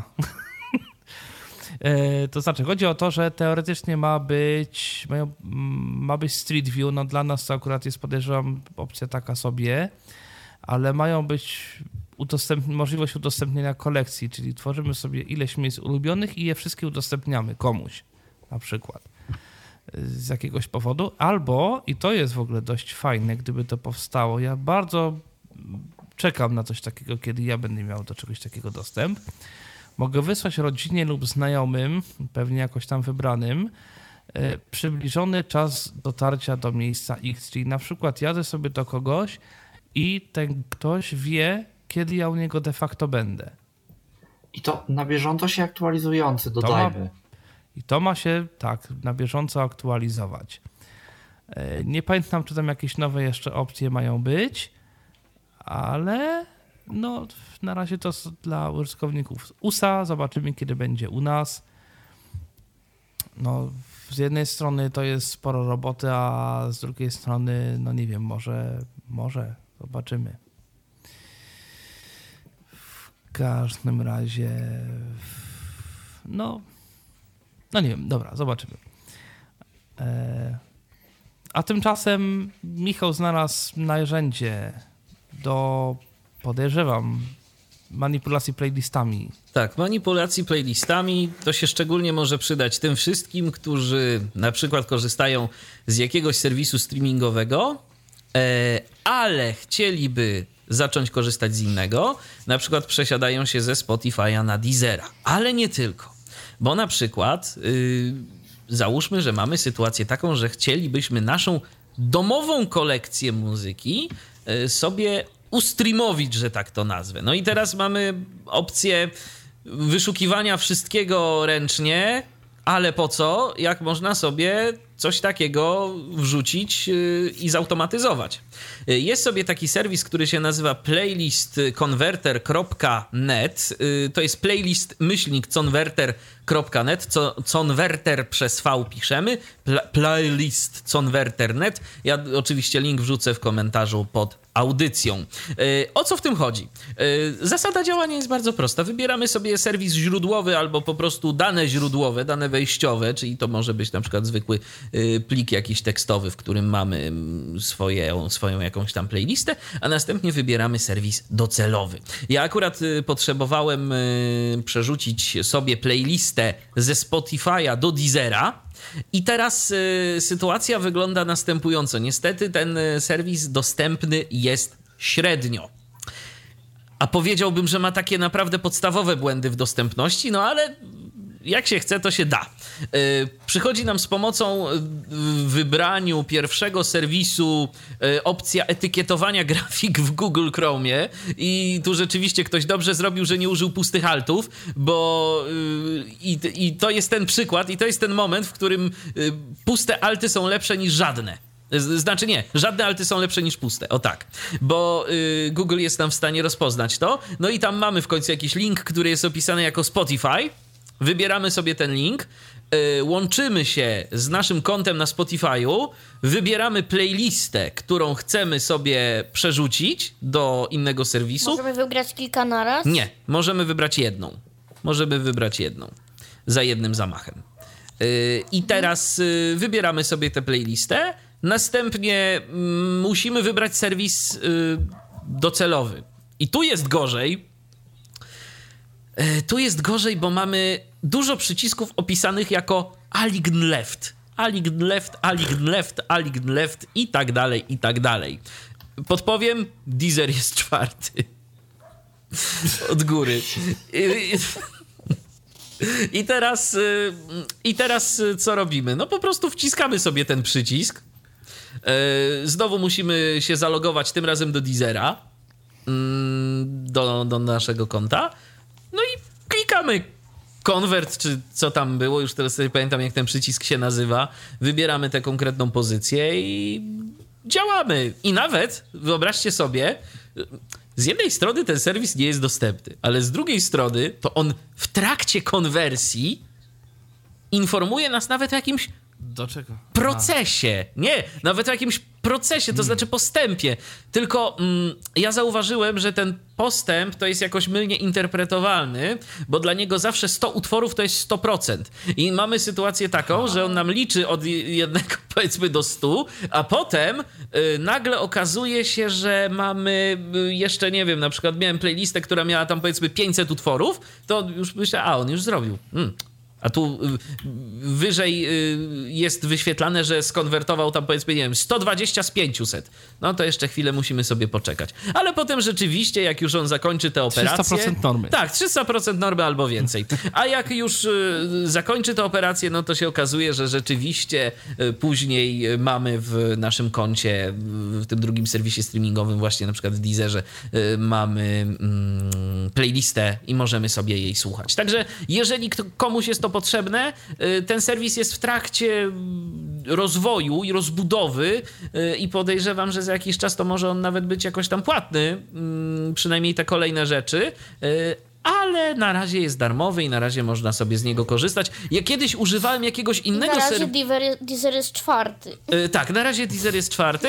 Polecam yy, testować po prostu na jakiejś małej playliście, bo tak yy, i szukać sobie te, tych przycisków, które nas interesują jeżeli chodzi o serwis docelowy, no bo y, taki powiedzmy skonwertowanie takiej playlisty, zaczytanie playlisty, która ma dajmy na to tam nie wiem, z tysiąc utworów albo coś koło tego, to trochę potrwa. I dlaczego mm, ja polecam ten serwis? Bo ja kiedyś korzystałem też z jakiegoś innego serwisu, bo szukałem czegoś takiego, szukałem innego serwisu, który na coś takiego by pozwolił. E, okazało się, że on miał jakiś problem i zawieszał się y, Google Chrome. To znaczy, że strona y, przestała odpowiadać. Tu, jeżeli mamy dużą playlistę, to też jest ten sam problem, ale jak sobie klikniemy tam parę razy poczekaj, to to się zrobi. A w przypadku jakiegoś tam innego serwisu, już teraz nawet nie pamiętam y, adresu, to było tak, że klikałem czekaj, klikałem czekaj, a on jakoś za bardzo nie chciał pozwolić na to, żeby się to wszystko skonwertowało. Ale w końcu jak się zrobi poczekaj, to w końcu wróci do... Tak, jak się zrobi poczekaj, jak się zrobi poczekaj, jeżeli chodzi o mm, ten serwis, y, o playlist converter, to, to tak. To wróci. To wróci i, i będzie działało. No to a propos troszeczkę działania, no tutaj szkoły działają, żeby zakazać używania smartfonów bo podobno uczniowie bez smartfonów się lepiej dogadują i więcej rozmawiają i są bardziej aktywni i w ogóle jest lepiej. Tylko. W co jestem w stanie uwierzyć? Tylko mało kto pamięta o tym, że smartfony mogą być również pomocą w czasie nauki i mało kto pamięta o tym, że są osoby niepełnosprawne i jakkolwiek podejrzewam, że gdy przyjdzie ktoś niewidomy albo niedosłyszący, albo jeszcze jakiś, kto smartfona używa po to, żeby sobie ułatwić życie, no to pewnie przymknął oko na zakaz. No ale z drugiej, nie? Tomek, ale z drugiej Tylko, strony jest problem właśnie, bo, w, bo problem... w tym momencie będzie ta osoba jeszcze bardziej wykluczona i no na językach całej reszty. Powiedzieć. Właśnie o tym chcę powiedzieć, że to będzie są równi i równiejsi. Tak. I znowu ten niepełnosprawny on może, a reszta nie. On może, a reszta nie. A poza tym y, ja powiem szczerze, y, okej, okay, myślę, że trzeba po prostu y, wpływać jakoś na uczniów, żeby, żeby niekoniecznie korzystali z tych smartfonów w trakcie lekcji, tak? To już sobie trzeba jakoś indywidualnie z tym radzić, bo rzeczywiście, no, uczeń, który wysyła jakieś wiadomości albo albo sobie przegląda strony internetowe, kiedy powinien słuchać tego, co mówi nauczyciel, no to nie jest dobra opcja. Natomiast zakazywanie... Ale wiecie, mnóstwo ludzi tak robi. Ja na przykład jestem teraz na studiach i to są ludzie na studiach, nie w podstawówce ani nie w liceum. I naprawdę, bo mamy grupę stworzoną i tyle, ile ja potrafię dostać Tylko podczas chyba zabraniać, to to jest średnia opcja. Że z jakimiś zdjęciami bo, słuchajcie, bo coś tam. jest bo ja o tym wyczytałem na Spiders Webie i komentarze, jakie tam były, to jak ja tam byłem, to było chyba pięć komentarzy, w tym trzy pod tytułem no ja właśnie jestem w szkole i piszę ze smartfona, u nas jest zakaz, więc wszyscy mają te smartfony poukrywane.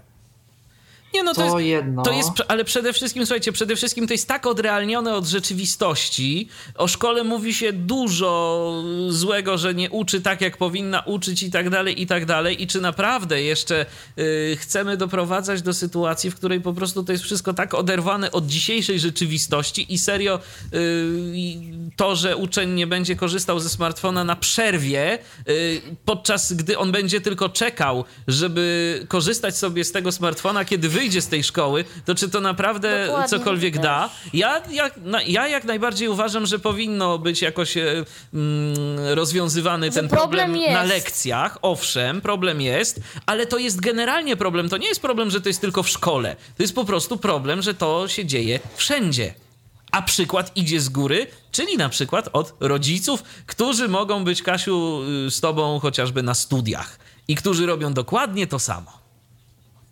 Od no Zwłaszcza, że ten przykład idzie w ogóle z góry. Przecież ile jest artykułów, że komputery służbowe, że w pracy, w filmie. Jak w filmie, to i w szkole.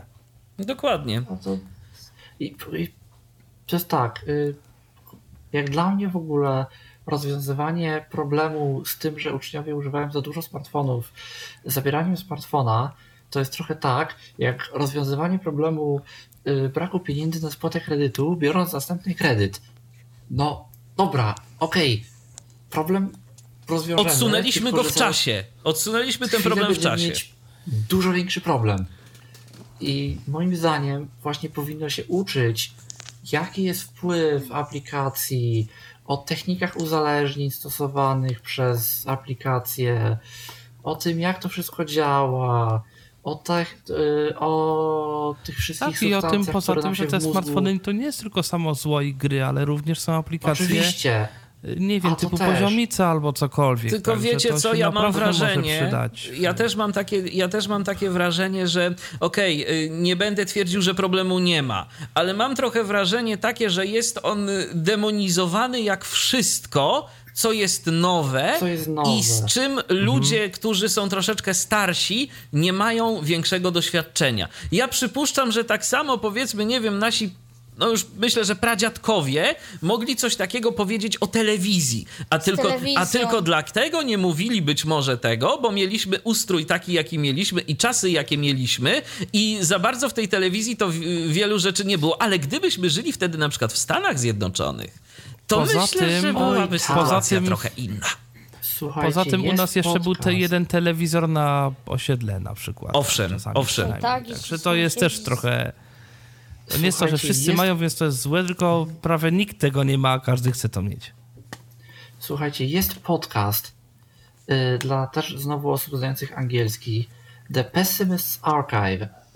Jeżeli jesteście przekonani, że jakakolwiek innowacja, która teraz wchodzi, jest zła, to naprawdę powinniście sobie posłuchać The Pessimist Archive, bo to w zupełnie innej perspektywie umieszcza wszelkiego typu właśnie takie komentarze. Bo, bo co, co mi się na przykład udało znaleźć? Artykuł bodajże z New York Timesa, jak to bicykl jest piekielną maszyną, która sprawia, że piesi stają się, y, trafiają w niebezpieczeństwo, bo przecież człowiek może jechać, nie patrzeć i w ciebie wjechać i komuś wjechano w brzuch i musiano go szyć i to jest takie straszne i należy zakazać na ulicach i tak dalej, i tak dalej, i tak dalej. Gdzie teraz nikt by nie powiedział, że rower to jest coś złego. To jest problem, no tak. Przeciwnie. Słuchajcie, wszystko co nieznane, wszystko co Trochę nowe. tak mamy teraz z hulajnogami. Tak, z, hulajnogami. A to dokładnie. ze wszystkim, ze smartfonami przecież tak mamy. To jest taki koronny przykład. Owszem, no wszystko co nieznane budzi jakiś opór i lęk. Bo to jest wyjście z tej Zobaczcie. naszej strefy komfortu. Zobaczcie, mhm. co było z komputerami 10 lat temu. Wielkie historie o tym, jak to nie poznaje się ludzi w internecie, bo cię ukradną, porwią i zgwałcą, bo to wszystko. I, i takie, tak dalej, i, tak takie dalej, przypadki tak istotnie były. Żeby Tylko nie było. Ile Tylko ile. Było. Dokładnie. Dokładnie. Jakby ja absolutnie nie zaprzeczam, ale no zawsze tak jest, bo te przypadki z bicyklem, no to też istotnie były, tylko że jakby nie należy z jednego przypadku wyciągać jakichś wniosków. Wiadomo, że ostrożność nigdy nikomu nie zaszkodziła i z wszystkiego trzeba umieć korzystać odpowiedzialnie, z smartfona też, ale właśnie korzystać odpowiedzialnie, a nie zakazywać i uczyć tego odpowiedzialnego korzystania. Zgadza się. Tak jeszcze do tematu smartfonów i do tematu szkół, bo to jest ważne i to warto poruszać, bo o tym mało osób wie, a, a to ma znaczenie. Y, jeżeli kiedykolwiek ktokolwiek w szkole będzie czy to wam, czy to waszym dzieciom próbował zabrać smartfona, to w ogóle można go mu po prostu nie dać, bo on za takie zabranie jest jest traktowany normalnie jak za kradzież. To no jest właśnie. prawnie kradzież. I to o tym czytałem w wielu źródłach i wszelkiego rodzaju statuty szkolne mówiące o tym, że komórek, że nauczyciel komórki może zabierać, są do obalenia przez jakiegokolwiek prawnika. Y, no a jeżeli komuś się uda taką komórkę zabrać, to się może szykować na to, że będzie się ubierał w paski i odbędzie długą wycieczkę do zakładu karnego za kratki. Bynajmniej nie jako odwiedzający. Tak, bo, bo, to jest, bo to jest też, nie bo, można. bo to jest też, bo to jest też problem. Po, powinno się w jakiś sposób, tak jak mówię, egzekwować to, żeby uczeń nie korzystał z tego, ale nie można zabierać mu jego, jego własności, tak? Tak, żadnych Dobra, słuchajcie, bo, my, bo tu naprawdę możemy o tym... oddawania, deponowania i tak dalej, i tak dalej. Długo, długo rozmawiać, ale tak y, jeszcze mam, nam parę tematów zostało, szczerze mówiąc. No to idziemy dalej. 21.25, a a propos właśnie korzystania ze smartfonów, konkretnie ze smartfonów z iOS-em, no to od bardzo niedawno, od tamtego tygodnia w wersji M-Obywatel na system iOS można, jest dostęp do e-recept. Zgadza się. Y, to zdaje się w piątek się pojawiła ta aktualizacja. Proces jest y, prosty, jeżeli chodzi o dodawanie, bo wystarczy po prostu dodać sobie kolejną, y, kolejny moduł, który nam tam się pojawił. Tam przy okazji jeszcze y, zyskaliśmy informacje o mm, przebywaniu za granicą, tak? Polak za granicą, tam się zdaje się taki moduł też pojawił, ale on jest bardziej informacyjny niż że możemy za jego pomocą cokolwiek zrobić. I teraz jeżeli dodamy ten moduł e-recept, e, to musimy tam jeszcze zaakceptować regulamin, tam są pola wyboru, które po prostu trzeba tam pozaznaczać, kliknąć, że tak, że my się zgadzamy, że dalej, dalej, przejść przez ten kreator i tyle. I w tym momencie e, te nasze niezrealizowane e-recepty Y, pojawią się w aplikacji. Ja w chwili obecnej żadnej nie mam, więc y, ciężko mi się wypowiedzieć na temat ich czytelności. Mam nadzieję, że będzie w porządku. Jak będę coś miał, to nie omieszkam się podzielić, a jeżeli ktoś już miał okazję praktycznie wypróbować y, ten moduł, to ja zachęcam do podzielenia się swoimi mm, wnioskami na ten temat, bo z pozostałych modułów aplikacji Obywatel wnioskuje, że powinno być dobrze, bo tu tak, raczej dostępne dostępność tak została myślę, zachowana. Też jest okay. W Androidzie też jest ok. Chyba jakąś jedną kiedyś widziałem i to było, zdaje się, jakoś tam dostępne. Natomiast tak, tam ten przycisk, do archiwum. ten przycisk do dodawania jest taki śmieszny, bo tam jest, on jest jakoś opisany circle add, czy, czy jakoś, tak? Także, także to są takie to, drobne. To nazwy ikonek. Tak, to są jakieś drobne rzeczy, y, ale y, samo korzystanie z aplikacji nie jest jakoś problematyczne. Natomiast rzeczywiście szkoda, że nie ma archiwum tak, tych e-recept, to bo prawda, to się, żeby sobie się czasem przydało. kiedy ostatnio brałam, mm, czy już muszę no chociażby zaprzestać, bo nieraz jest tak, że możesz wziąć tylko powiedzmy dwa albo trzy cykly leku. Tak? No i wtedy. Na przykład, ale no chociażby możemy się dowiedzieć, no właśnie, tak naprawdę co my kupiliśmy, co nam, nie wiem, w no bo lekarz się pyta, a co pan brał? I teraz jak jest no, nazwa dokładnie. leku, która ma 18 sylab, no to jest trochę problem z zapamiętaniem tego wszystkiego. I można wziąć pudełko, to sobie sczytać, ale no różnie to bywa czasami z dokładnością tych napisów brajlowskich. Także no fajnie by było, gdyby to rzeczywiście, rzeczywiście było dostępne. No ale cóż, nie ma to nie ma. E, natomiast y, Google planuje tłumaczenie tekstów głosowych w czasie rzeczywistym. Znaczy, chodzi o to, że w tym momencie mamy to zrobione w ten sposób, że mówimy, powiedzmy coś, Google sobie słucha, słucha, ja sobie mówię, ja sobie przestaję mówić, Google przestaje słuchać, Google przetwarza i Google podaje nam tekst, mówiony albo pisany.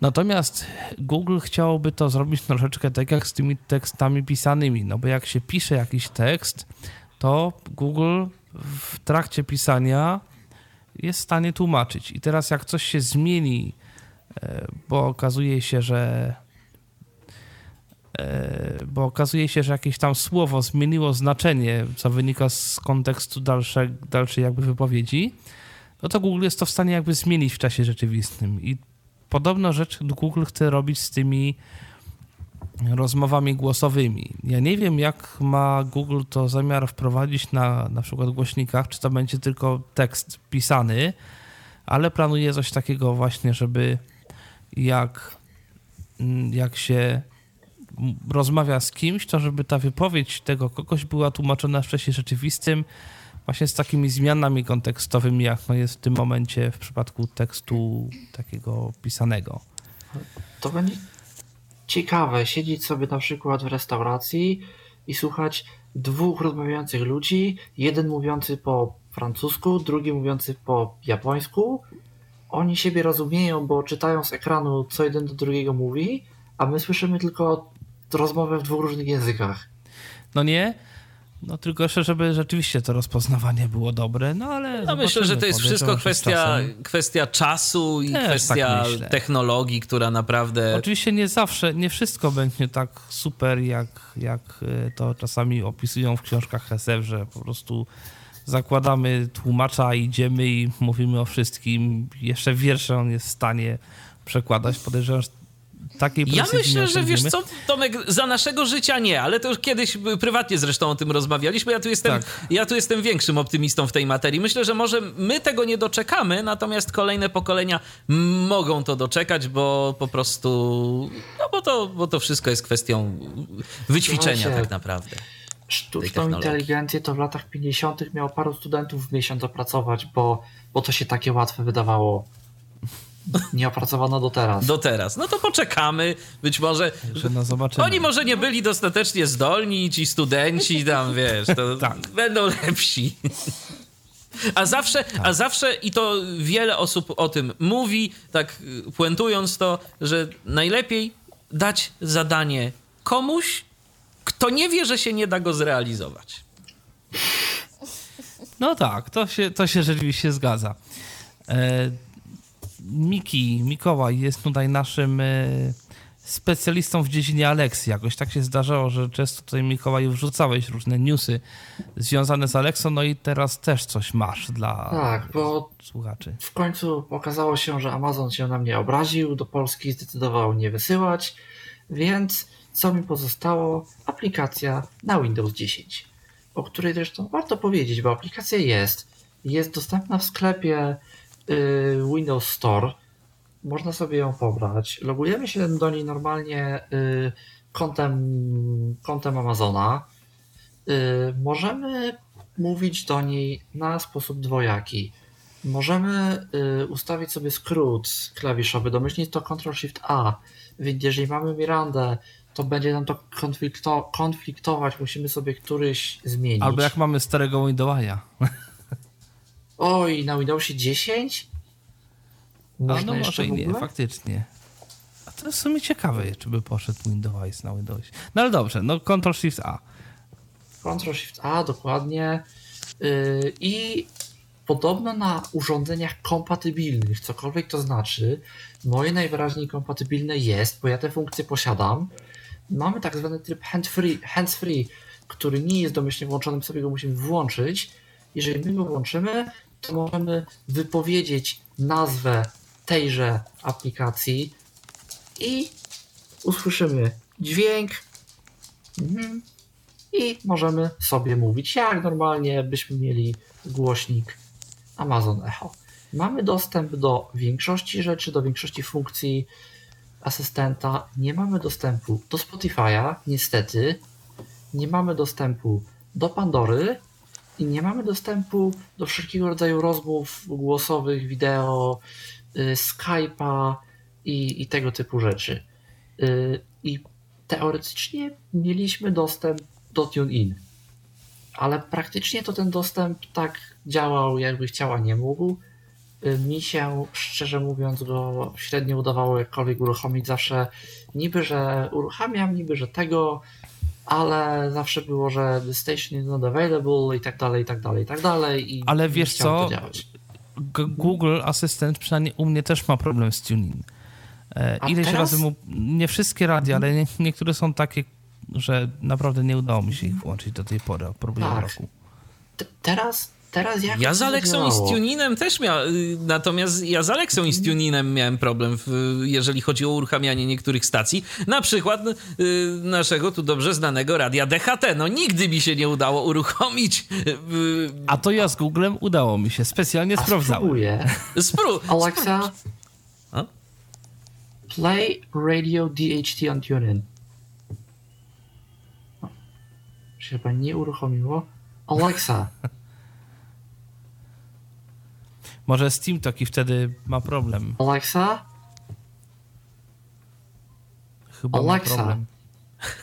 play Radio DHT on TuneIn. Bo, chwila, faktycznie może wyłączę ten mikrofon. I zobaczymy. To może tutaj Mikołaj będzie mówił o Aleksie, a może ty już, Michał, zaczniesz mówić na temat afery ostatniej z Googlem. Tak, afera ostatnia z Googlem polegała na tym, że no cóż, Google postanowił wysyłać wysyłać zdjęcia, a właściwie nie zdjęcia, tylko filmy, bo to cała afera mm, polegała na mm, wysyłaniu filmów e, do użytkowników, do których te materiały wideo nie należały. Jak być może pamiętacie, ja swego czasu nawet polecałem y, zdjęcia Google'a, bo one są bez limitu. Możemy tam wrzucać ile tego chcemy. E, jeżeli zachowujemy je w tej tak zwanej jakości, bodajże HD jakość y, HD. I materiały wideo zresztą też. Google nam oferuje nieograniczoną pojemność na te nasze materiały graficzne. Natomiast y, okazało się, że użytkownicy, którzy mieli ochotę sobie wykorzystać usługę, za pomocą której można te zdjęcia z Google'a zabrać, to w momencie, kiedy kopiowali sobie to wszystko z Google'a, nagle się okazywało, że dostawali nie swoje materiały wideo. I o ile y, po prostu jakiś błąd i do tych archiwów Y, nie wrzucało się zdjęcia te, jakie powinny się wrzucać, tylko po prostu innych użytkowników. No coś się w bazie złego zadziało. Ponoć, y, proce, ponoć y, to dotyczy jakiejś niewielkiej liczby użytkowników, no ale sam fakt, że dotyczy. No, słuchajcie, zdjęcia... No niech to będzie jedna setna procenta, tak, jak dokładnie, tych użytkowników dokładnie. liczy się na dziesiątki milionów, to nagle się okazuje, że tysiące użytkowników mogą a ludzie materiały wideo wrzucają naprawdę różne. I to no, zawsze można i zawsze można powiedzieć, no dobra, to nie wrzucaj do internetu yy, takiego czegoś, czego byś tam powiedzmy nie chciał umieszczać. No ale ktoś może powiedzieć, no halo, halo, ale ja nie wrzuciłem tego dla wszystkich, ja to wrzuciłem dla siebie i yy, chciałem po prostu mieć z tego kopię zapasową. No i co? I przecież ja tego nie udostępniałem. To, to nie jest gdzieś tam moja wina. Niemniej jednak, no fakt faktem, ostrożność y, należy mm, podejmować. Środki ostrożności w przypadku takich zdjęć czy, czy materiałów wideo cokolwiek y, wrażliwych i takich, których nie chcielibyśmy udostępniać komukolwiek. E, więc y, warto, więc warto jednak rzeczywiście na to uważać. No ale w każdym razie Google tyle dobrego, że Google sam się przyznał do tego. Że taki problem faktycznie był, nie ukrywali tego, e, nie czekali, aż na przykład gdzieś jakieś filmy wypłyną e, różnego rodzaju, woleli sami poinformować, że jest problem. Ale słuchajcie, z tego co wiem, tego ataku nie dało się targetować, czyli nie dało się zrobić czegoś takiego, że ja chcę teraz wyciągnąć film tego i tego. Nie, bo to nie Tylko był, Mikołaju, bo to zdarzyć... nie był atak, to po prostu tak, coś tak, się w bazie mhm. pomieszało i pewne, mm. i pewne rzeczy się przypisały nie do tych użytkowników, do których, y, do których się miały przypisać. To podejrzewam, to podejrzewam jedyny sposób, w jaki mógłbyś liczyć na jakieś szanse, to pewnie robić te kopie zapasowe co 5 minut i wrzucać tych zdjęć powiedzmy tak, 2000. i wtedy, i wtedy I coś by tam na to, że dostaniesz coś ciekawego. Dokładnie. I to jedynie w ten sposób. I tak naprawdę bez jakiejkolwiek informacji, do kogo to należy. To wtedy trzeba by było tak. co jakieś rozpoznawanie obrazu, gdzieś ewentualnie szukać. Albo ręcznie sprawdzać. No, szukać kim jest... No ale wiesz, po czym będziesz sprawdzać, jak masz, yy, nie wiem, jakieś nazwę tego pliku mało Oj, informacyjną? Są ludzie, którzy potrafią po jakichś tabliczkach, po jakichś A, no, słońcach, w ten spo- no w ten sposób to tak. gwiazdach, czymś tam. O, ostatnio była taka sytuacja, że bodajże Donald Trump wrzucił na Twittera jakieś zdjęcie czegoś tam, po czym znaleźli się astrologowie jacyś w internecie, astronomowie, specy od fotografii i tak dalej, którzy na podstawie kątów padania światła, gdzie były cienie, jakie były cienie, nie wiadomo jeszcze czego, y, były w stanie y, ustalić mniej więcej, gdzie znajdował się obiekt, który to zdjęcie robił i kiedy to było i powiązali to z jakimś w cudzysłowie śmieciem kosmicznym latającym po niebie to się okazało, że to był jakiś amerykański satelita szpiegowski, o którym się nikt nie miał dowiedzieć. Aha. Po prostu Dobre. po takich głupotkach wyszło od razu.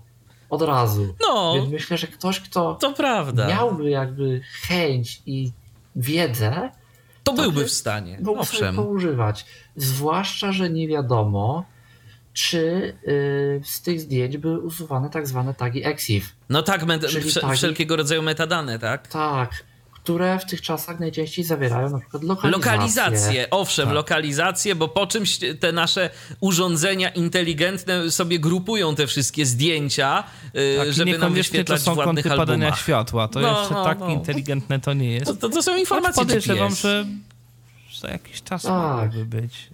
To, pewnie to było kiedyś coś takiego, że ktoś, jakiś przestępca wpadł za to, że wrzucił zdjęcie piersi chyba własnej dziewczyny i lokalizacji nie usunął.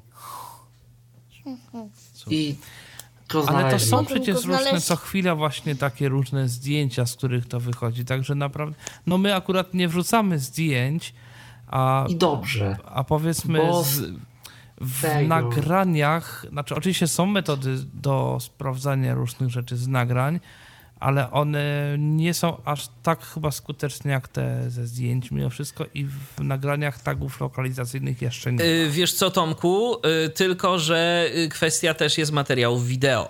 Część osób niewidomych Część osób nie I to, jest, I to jest, myślę, że też dość niebezpieczne, tak już rozmawiając o prywatności. Część osób niewidomych wykorzystuje swoje smartfony do tego, żeby nagrać sobie jakiś materiał audio, ale na przykład Y, tak jest chyba w przypadku iPhone'a, y, że on jest w stanie tak. stereofonicznie, dajmy na to, nagrywać tylko i wyłącznie w trybie wideo.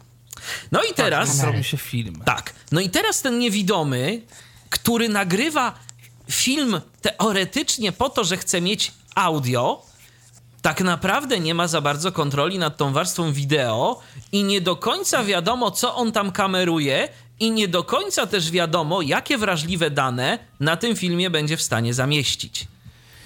To się zgadza, natomiast wydaje mi się, że często takie filmy są potem i tak yy, wypada, wypada z tego wideo, bo przecież filmy są ogromne. Ja czasami nagrywam filmy dla rodziny, dla znajomych i u mnie te filmy no to jest na przykład 100 mega na minutę albo 200 mega na minutę. A ja znam niewidomych, którzy wrzucają tak po prostu filmiki na Facebooka, bo jest fajnie i Aha. zastanawiam się, jak wiele e, mają nad tym kontroli, co no tak. tak. naprawdę umieszczają tam. Więc e, to, to się zgadza. więc na to też trzeba ja uważać.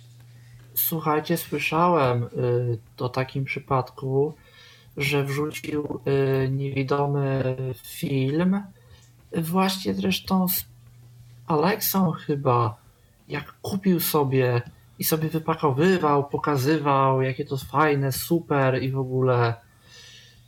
No tylko, I fakturka. Kupił to z jakiegoś sklepu, który na fakturze to mu dość sporo tych danych zamieścił. Mhm. I w tym momencie, jak on się tym bawił, to jakoś tak położył komórkę, że było to widać. Że był po prostu centralnie w obiektywie faktura. No, także na to. Więc, ta, więc uważać. Także na, na to trzeba uważać po prostu. Uważać. Co, co wrzucamy, to... co gdzie tego. Taka ciekawostka, słuchajcie, taka ciekawostka a propos tego. I to z naszego podwórka. Na przykład ostatnio się pojawiła aplikacja, aktualizacja aplikacji Jasper's Record na iOS-a. Fajnej aplikacji kiedyś było niej Tyflo Podcast do rejestrowania dźwięku. Y, no i tam y, ona co prawda rejestruje go w, za pomocą tego trybu audio iPhone'a, więc, więc tam mono nawet w tych nowych iPhone'ach to jest, ale dodali fajną funkcję. Dodali funkcję wrzucania zdjęć, znaczy filmów na społecznościówki.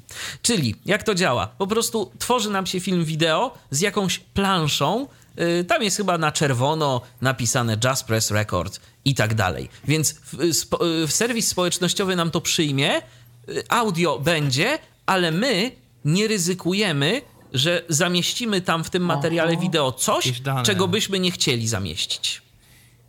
Także to taka mhm. ciekawostka. Jeżeli tak ktoś zgadza. ma ochotę, to polecam. Słuchajcie, właśnie, właśnie tak a propos, jak już żeśmy mówili o tym bezpieczeństwie, uważajcie, słuchajcie, co umieszczacie na pendrive'ach. Bo mi się bardzo często zdarza, że mam wpiętego do komputera jakiegoś pendrive'a, zwłaszcza jakiegoś pendrive'a nauczyciela, powiedzmy ze sprawdzianem. I, I wiadomo, przyjeżdżam po tych plikach na tych pendrive'ach, żeby znaleźć to, co mi w danej chwili potrzebne, bo nie zawsze o, wiem, na jaką literę jest wiem, plik, jak się tam chodzi, dokładnie nazywa. Też na to natrafiłem. Słucham? Też na to natrafiłem. Miałem tak. właśnie sprawdzian, Ola, dowód sprawdzian, osobisty. ktoś tam. Tak. No, dowód też nie natrafiłem, ale... Yy, ja natrafiłem, słuchajcie, na gorszą rzecz. Ja natrafiłem na plik HIV diagnoza. Ups. Nie wiem, czy diagnoza była pozytywna, czy diagnoza była negatywna. No, ale, ale... to były dane bardzo wrażliwe. W każdym razie. Tak. I py... nawet, nawet sam fakt, że mhm. ktoś miał coś takiego na tym pendrive. Tak. To. No tak, to jest po prostu niefajny. A no, należy też powiedzieć, że są ludzie, którzy sprawdzają, co jest na pendrive'ach. Są ludzie, którzy ma, są ludzie, którzy mają, y, są ludzie nawet, y, to słyszałem, y, że ktoś sobie na przykład napisał skrypt, który po prostu w momencie wkładania jakiegoś, jakiegokolwiek pendrive'a do jego Robi komputera kopię. robił kopię. Oczywiście. Ja już, ja już widziałem kiedyś gotowy okay. plik, on się chyba nazywał, to była ikonka nawet na pulpicie taka specjalna. Ona się nazywała Skanuj w poszukiwaniu wirusów. I no, no, tak, tak. się programik i wyświetlał skanuje w poszukiwaniu wirusów. Po czym wyświetlał skanowanie zakończone, zero wirusów znaleziono. Idea była taka, że wkładamy do komputera czyjegoś pendrive'a i mówimy, dobra, tylko zanim ja na tego pendrive'a wejdę, to ja przejrzę, żeby mnie czasem tu nic nie zainfekowało, więc odpalę ci tylko skaner i przeskanuję. No a skaner oczywiście robił kopię pendrive'a zamiast skanu. No tak. Bo to wcale nie był żaden skaner. Dokładnie, także no, nauczyciele, pracujcie raczej, raczej z czystymi pendrive'ami. nie takimi tak. półprywatnymi, tak. pół szkolnymi. Ale Dobrze, słuchajcie, słuchajcie w, ty, bo... w tych czasach już jest lepiej, bo jednak się tego maila, jednak jest ten internet powszechniejszy, jednak się tego maila używa zdecydowanie więcej do przesyłania wszelkiego rodzaju informacji. Bo ja wiem jeszcze, znam osoby, które naprawdę są ode mnie parę lat starsze i za ich czasów to naprawdę się wszystko pendrive'ami przesyłało. Pendrive'ami, pendrive'ami, ja jeszcze wysyłam jednej z nauczycielek na dyskietkach. O Jezu, no. Gdzie za moich czasów też naprawdę jest w dużej części mail. Ja nie muszę już zerkać na odpisy aktów urodzenia, diagnozy medyczne i dowody osobiste. Jeszcze pamiętajcie, że często jest tak, że jesteśmy podpięci do projektora. Nie dość, że ja to widzę, to widzi to cała grupa. O, ho, ho. No, ja kiedyś, słuchajcie, byłem podpięty do projektora i robiłem jakiś e-learning chyba na Moodlu. I miałem otwartego Chroma. No a Chrome, mój przynajmniej, ma powiadomienia z Facebooka. Aha. I ej, byłem u szmaty, mówiła, że coś tam, coś tam, coś tam. Okay. Na jakiejś grupie. Dobra. No. I to tak poszło.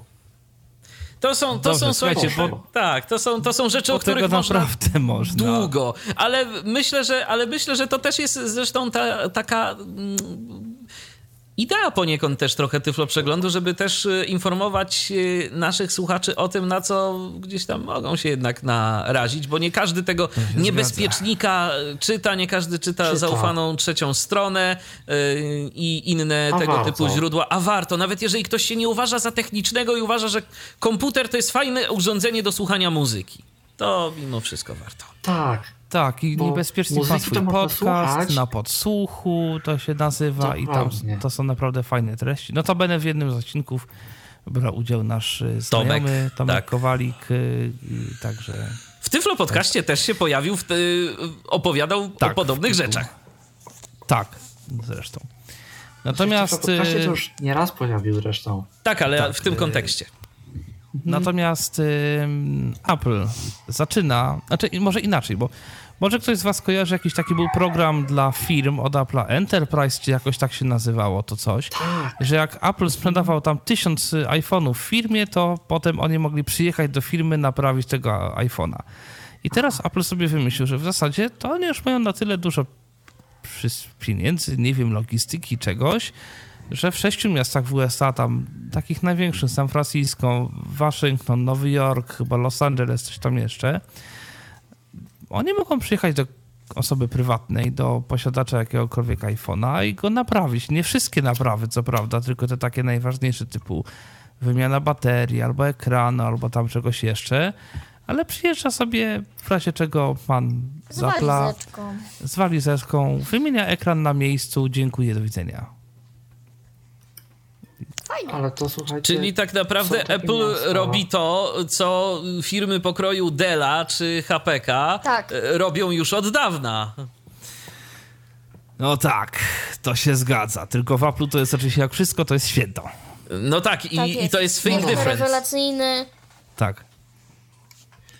Ale słuchajcie, są takie miasta, bodajże Nowy Jork, przynajmniej niektóre jego dzielnice na przykład tak działają.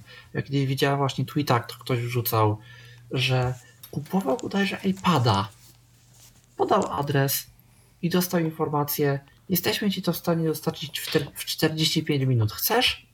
Chcę. No i pół godziny przyjechał. Jak pizza. no właśnie też mi się tak skojarzyło. Ale iPad pizza. ja myślę, że to wcześniej czy później to tak będzie z różnymi rzeczami, bo naprawdę coraz ten ten handel elektroniczny ma coraz większe e, pole działania. Zresztą nie tylko handel, przecież Glovo, czyli te usługi takie kurierskie, mm -hmm. mini kurier. Reklamują się już teraz nawet w telewizji. Tak, że tam można sobie na przykład, nie wiem, e, coś komuś po prostu przekazać przez kuriera. Słuchaj, ja ciebie zapomniałem wczoraj, nie wiem czego. Szalika. Szalika i weź mnie go przynieść. No to proszę bardzo, 5 zł, czy ile to kosztuje, szaliczek, pyk i jest. Natomiast a propos różnych takich ciekawych urządzeń nowych, Kasia tu ostatnio miała, nawet ja się tym bawiłem zdalnie. Znaczy, udało mi się podgrzać wodę na odległość 250 km, to znaczy Kasia ma czajnik elektryczny z Wi-Fi i z aplikacją na smartfona.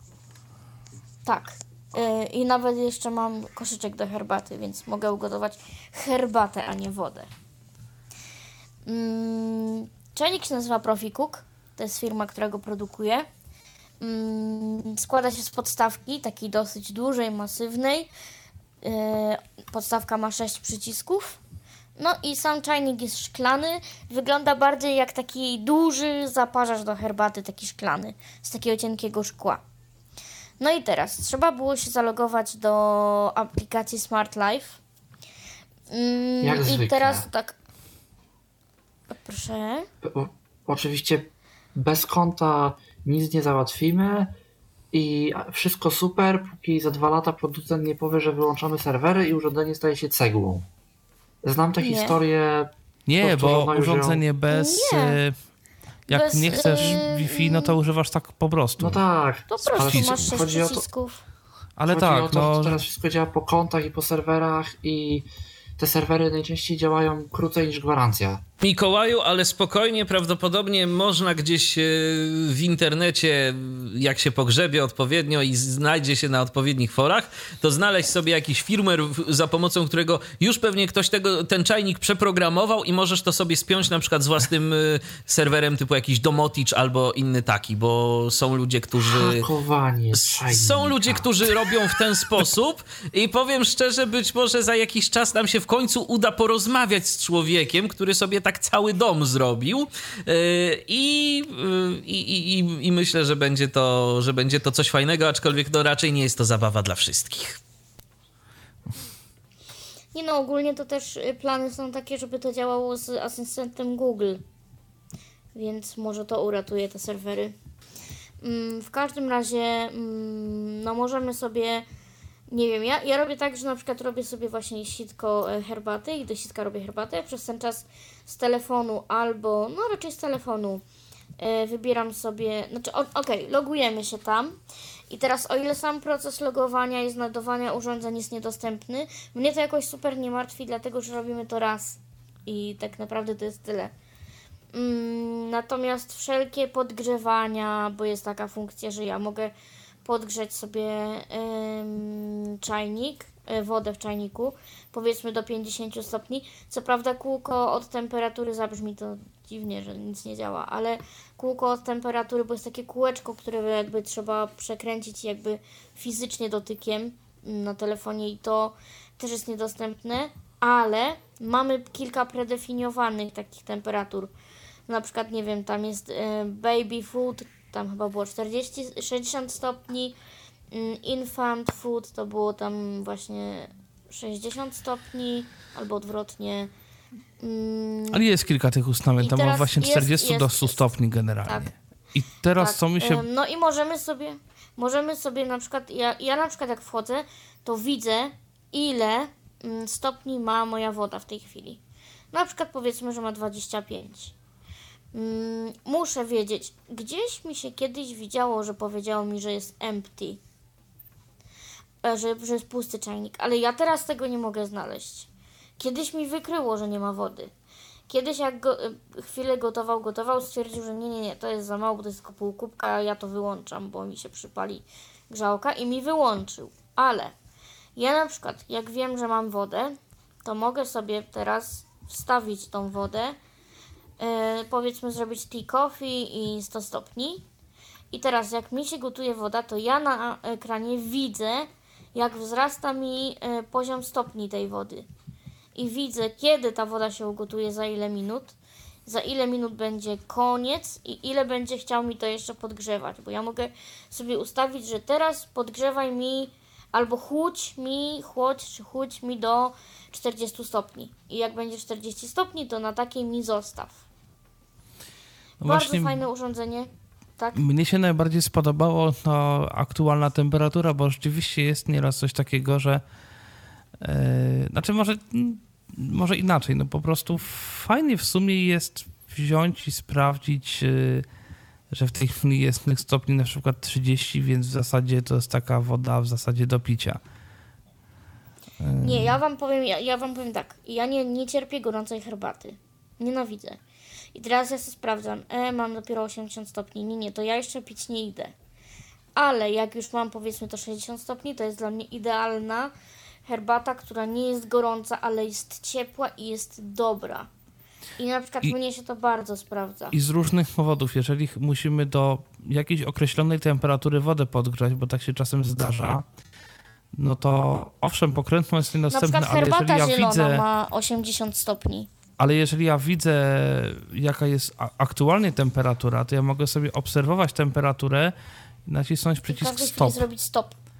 I w tym momencie, owszem, nie mogę ustawić temperatury, ale mogę sobie obserwować tę temperaturę i jak będzie dokładnie temperatura taka, jaka chcę, no to mogę sobie ja lubię, to tak. zrobić. I to jest o tyle fajne, że rzeczywiście nieraz te czajniki z regulacją temperatury są dla nas albo niedostępne, albo dość trudne, powiedzmy, w obsłudze, bo te przyciski na przykład raz działają, raz nie do końca i chcę ustawić na 85 stopni, on już mi ustawi, nie wiem, 95.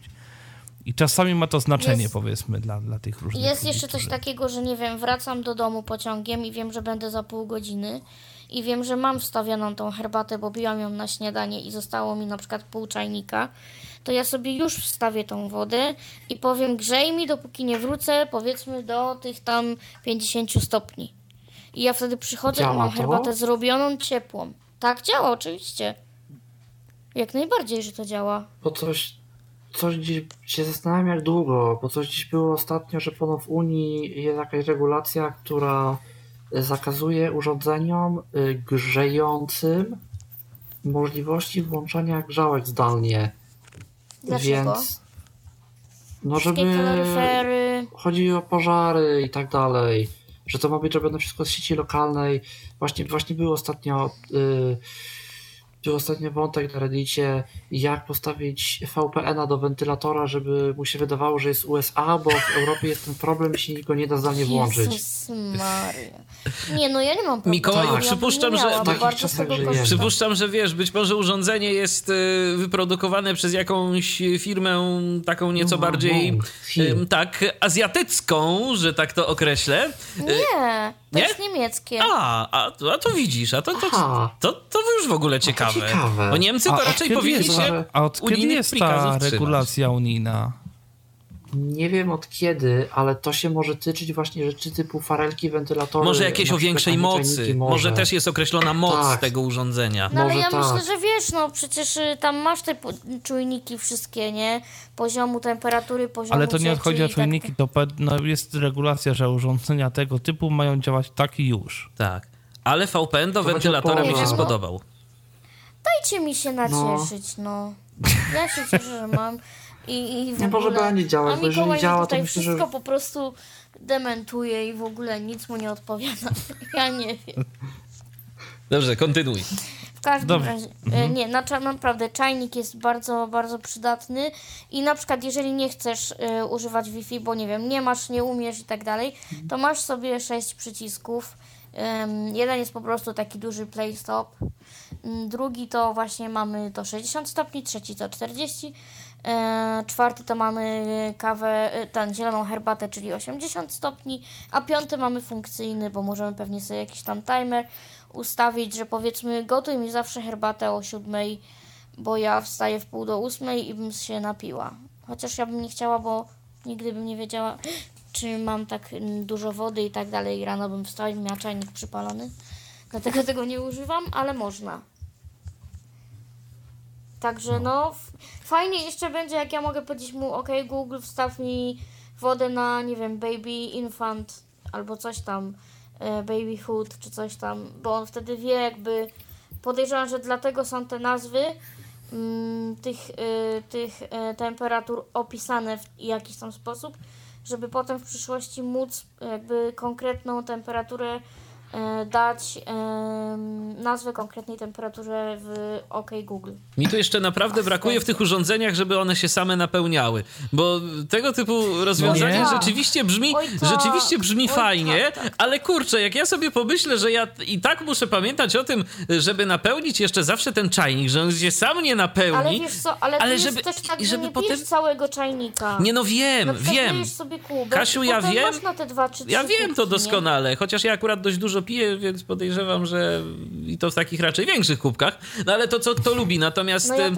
Natomiast wiesz, y, y, jakby chodzi mi o sam fakt, że ten cały proces nie jest w stanie się y, zautomatyzować. To znaczy, że to się nie, Z- z nie pobierze się woda, tak, nie pobierze się woda i potem, że nam się to jeszcze nie naleje do tego kubka, bo to jeszcze by było No. fajne. Już na przykład, zobacz, w przypadku ekspresu do kawy, to tak naprawdę pozostaje ci tylko to, żeby on się, żeby on sobie tę wodę napełniał sam. Sam no bo już powiedzmy kawę, Tak. to dobra, ten pojemnik na kawę jest na tyle duży, że to jeszcze przebolejesz, Tak, to że tam, tam no parę to starczy ładnych. na parę ładnych kaw, ale wody Ale rzeczywiście cie- woda to częściej jest coś, co... Tak. brakuje. Ale wiecie co, ja w ogóle Jeszcze mam fajną jakieś e, takie... taką e, opcją jest, bo ty tego nie słyszałeś Tomecki, bo byłeś daleko, ale fajną jest op- a jeszcze jedno.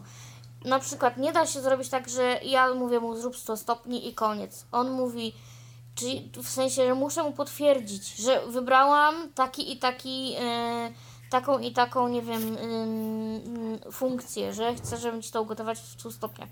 I potem muszę to potwierdzić albo anulować. Czyli właśnie, zara, zara, nic nie gotuję, bo mam pusto. I mogę się wtedy zawsze wycofać, no nie? Że nic się tam nie stanie takiego, bo jak mi się przypomni, że mam pusto, no to mogę z tego zrezygnować. I jest jeszcze coś takiego, że jak ja ściągam mm, czajnik z bazy, kiedyś nam się przelało z mężem i on mi ściągnął czajnik z bazy, bo, bo, bo, się, bo się popryskało i dostałam informację, że po angielsku oczywiście wszystko jest, że czajnik jest właśnie z tej podstawki zdjęty. I za każdym razem, kiedy ja coś robię, to ja dostaję też yy, sygnalizację dźwiękową. Jak zakładam, jak ściągam z bazy, pika dwa razy. Jak zakładam na bazę, pika raz. Jak wybieram, pika raz. Jak potwierdzam, pika dwa razy i tak dalej. I to jest też fajne, że on jest udźwiękowiony w jakiś sposób. E, mnie tylko zastanawia jedna rzecz. Cena. Znowu. 250. A, to nawet nie tak źle. Spodziewałem się tak, że jeszcze jedno zero tam będzie.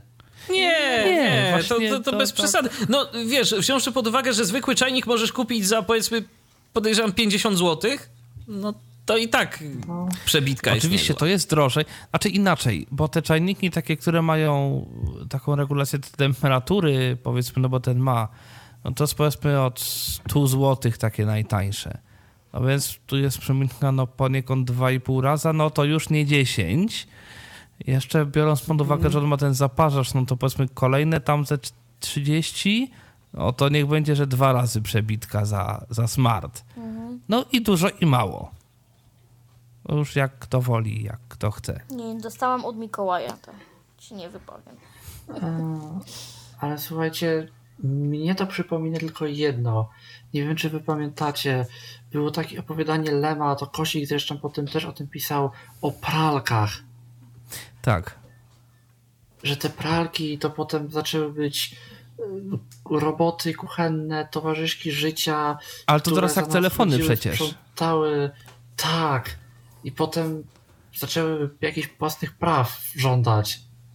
I to, tak. to słuchajcie, aż tak, się tak. kojarzy, jak ja widzę, ile się upycha w, w te wszystkie urządzenia, rzeczy, że lodówka, na które można Facebooka przeglądać, jakieś czajniki, żarówki z internetem, przez które można dzwonić, coś tam. No, żarówka no. z kamerą i z głośnikiem. To też u Makasia tu tak. Tak, no ja mam, mam. Przez no. którą znaczy, potem się zacznie oglądać. Także, no, są rzeczy coraz ciekawsze.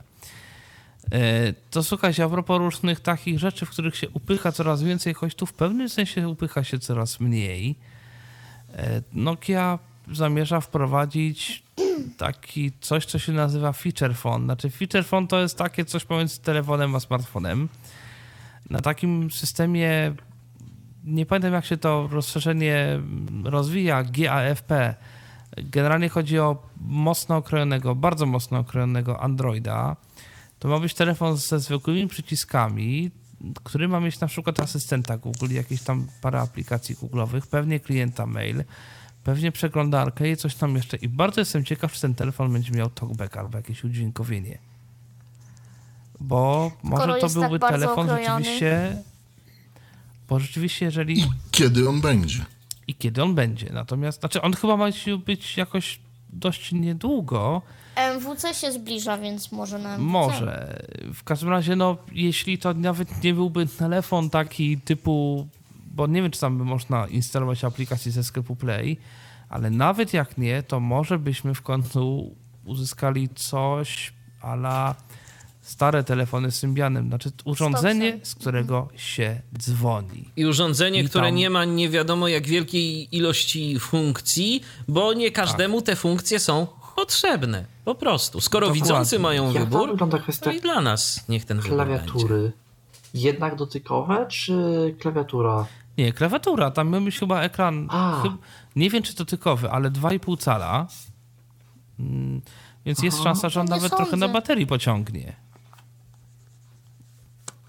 Mhm. Zobaczymy. Także no, może rzeczywiście będziemy mieli coś, co no właśnie, tak jak mi Co da się zaproponować tym ludziom, którzy dopiero mhm. początkują, nie?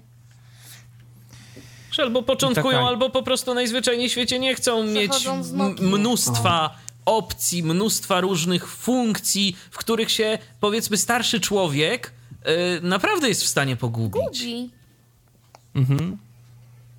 To się zgadza. No i słuchajcie, mamy. Teraz mamy taką informację typowo jak w wiadomościach, że zawsze tam musi być jakaś taka fajna, miła informacja na koniec, taka niezobowiązująca, fajna i miła. No i właśnie, wychodzi płyta Doroty Osińskiej w piątek. Tak, wychodzi nowa płyta Doroty Osińskiej, piąta już z kolei. Mm, dlaczego o tym mówię? Dlatego, że Dorota Osińska jako chyba, mm, co prawda nie jest to Edyta Górniak, tak, czy, czy nie wiem, Anna Jantar, ale, e, ale jest e, artystką mm, słabowidzącą, co by nie powiedzieć. mm, no i której jednak udało się... Mocno. tak, i udało się jej, że tak powiem, gdzieś zaistnieć zajść, na tym zaistnieć, rynku muzycznym. Tak, na tym rynku. No jak, jak jej się udało, takie się udało, ale no bo mnóstwo mamy tych ludzi śpiewających, no ale jej rzeczywiście, jej rzeczywiście ją można gdzie niegdzie usłyszeć. No i mm, jak ona mówi, dotychczasowe płyty to były płyty, yy, gdzie ktoś dla niej pisał muzykę, ktoś dla niej pisał tekst, muzykę najczęściej Włodzimierz Korcz, tekst to różnie z tekstami bywało, E, a teraz to jest płyta jej własna, autorska, jak ona mówiła, po 20 latach wzięła do ręki gitarę i z muzykami, z którymi gra zwy, zwykle nagrała płytę. Płyta nosi tytuł Cześć to ja. E, ile utworów na niej jest, tego nie powiem, bo nie pamiętam, e, ale płyta wychodzi w piątek, premierę ma mm, jest w dobrych sklepach muzycznych i chyba w serwisach streamingowych się ukaże.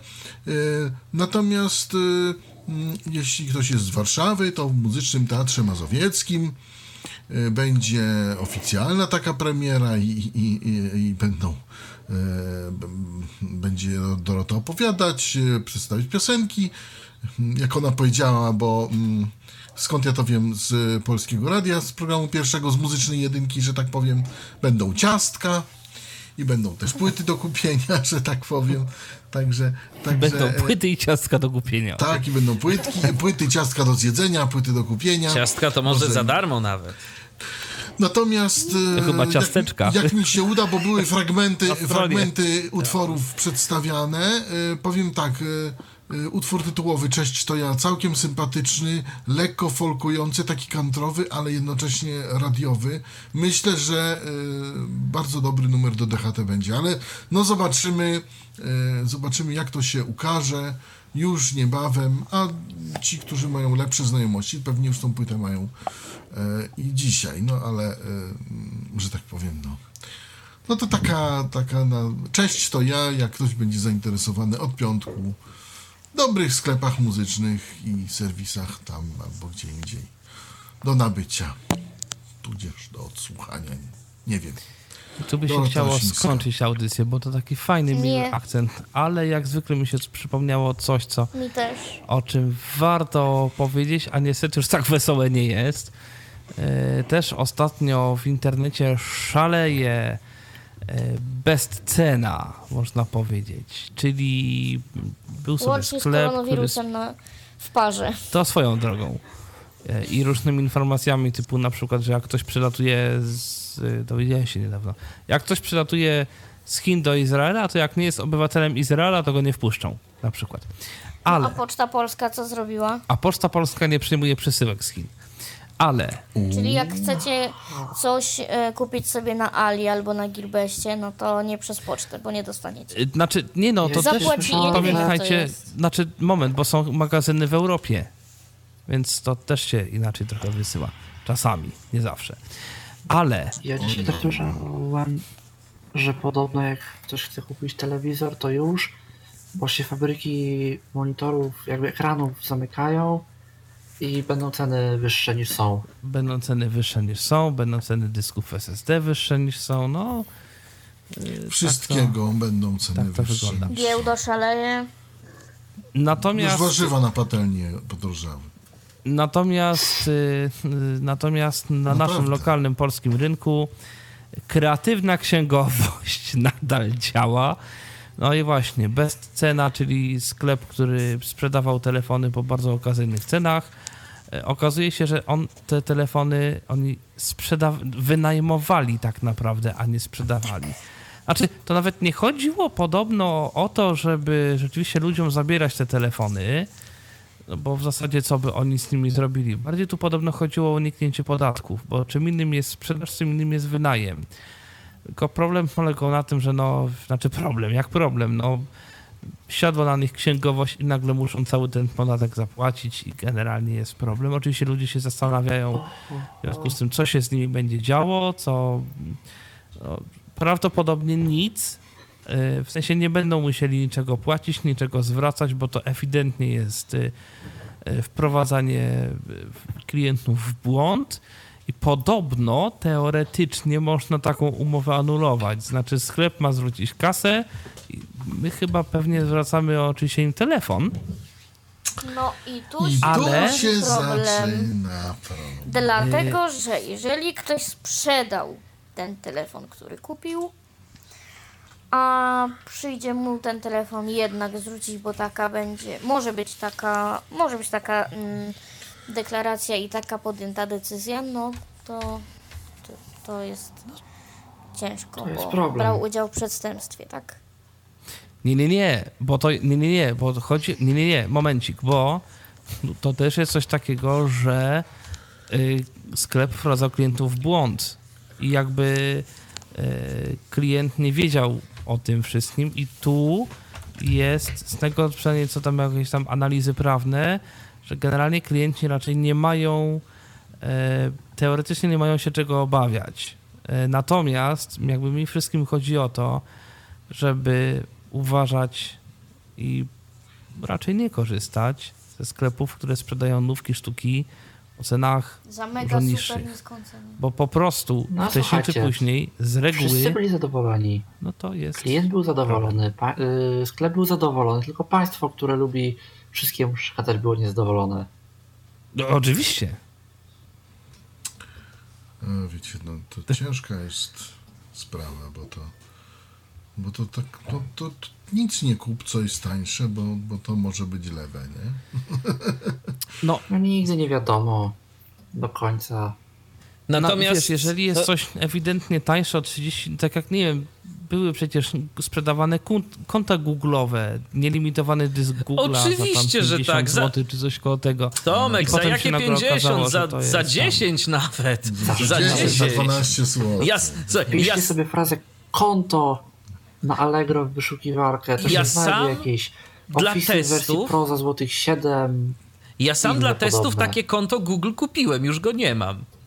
Po, I po teraz paru chodzi o to, że najczęściej takie rzeczy prędzej czy później okazują się jakimś przekrętem, no po prostu i zwyczajnie. I oczywiście można liczyć na to, że ten przekręt się nie ujawni, no ale to jest ryzyko. Nawet Oczywiście. Dość wysokie Ja powiedziałbym. sobie, Także ja no, sobie to konto kupiłem tylko i wyłącznie do tego, żeby przetestować jeden program do backupów w chmurze. Yy, Dobrze, dobrze, widni się tłumaczą. Nie, ale- no, ale, ale właśnie, ale słuchaj, ale właśnie serio, ale serio do tego, ale serio do tego, bo chciałem po prostu sprawdzić, co będzie, jaki będzie tego efekt, ale nie ukrywam, że też przy okazji chciałem sprawdzić, jak długo to konto mi wytrzyma, kiedy ja je będę celowo obciążał rzeczywiście jakimś takim dość intensywnym ruchem. No i tam faktycznie ten ruch to szedł, bo tam ja tam przerzuciłem jakieś 7 terabajtów danych. No, No to ładnie. i już konta nie mam. I już konta nie ma. Tak, bo, Bo to, konto nie bo, to się, bo to się Google szczaiło w pewnym momencie i te konta zaczęło zamykać. Oczywiście ludzie tam znajdowali jakieś tam ograniczenia, że jak się y, coś wrzucało na, na, na coś, na jakieś udostępnione czy coś. Te tak to zwane dyski zespołu. działało. Chyba tak, jak dysk zespołu się wrzucało, więc to tam niektórzy nadal jakoś próbują. E, Ale jakby chodzi mi jakby w tym wszystkim o to, żeby generalnie uważać na to, co się kupuje, zwłaszcza na, za jakieś takie niższe pieniądze, no bo no właśnie. to- to, Zwłaszcza co na kody od różnego rodzaju nie ma- licencyjne, zwłaszcza na kody licencyjne dla przede wszystkim dla firm. Bo y, tu, jeżeli ktoś prowadzi własną działalność y, i na przykład właśnie kupuje takie podejrzanie tanie kody, na przykład czy do Windowsa, czy do pakietu biurowego, y, czy podobne rzeczy, to naprawdę naraża się na kłopoty, bo przedsiębiorcy są zdecydowanie intensywniej kontrolowani i w razie Dokładnie. problemów ostrzej karani niż taki użytkownik prywatny. Tak, dokładnie tak. Głupi kod. Wystarczy WinRara zainstalować. Owszem, mieć go dłużej owszem, niż, niż, ileś tam. niż ileś I- tam. Okej, Ale to przecież w ogóle są Można- y, produkty, które są darmowe dla użytkowników indywidualnych. Jesteś firmą, płać. Płać. Tak. Także trzeba też te licen- to, żeby licencje czytać, y, których nikomu się czytać nie chce, to jest już zupełnie inna sprawa i, i o tym można by też długo.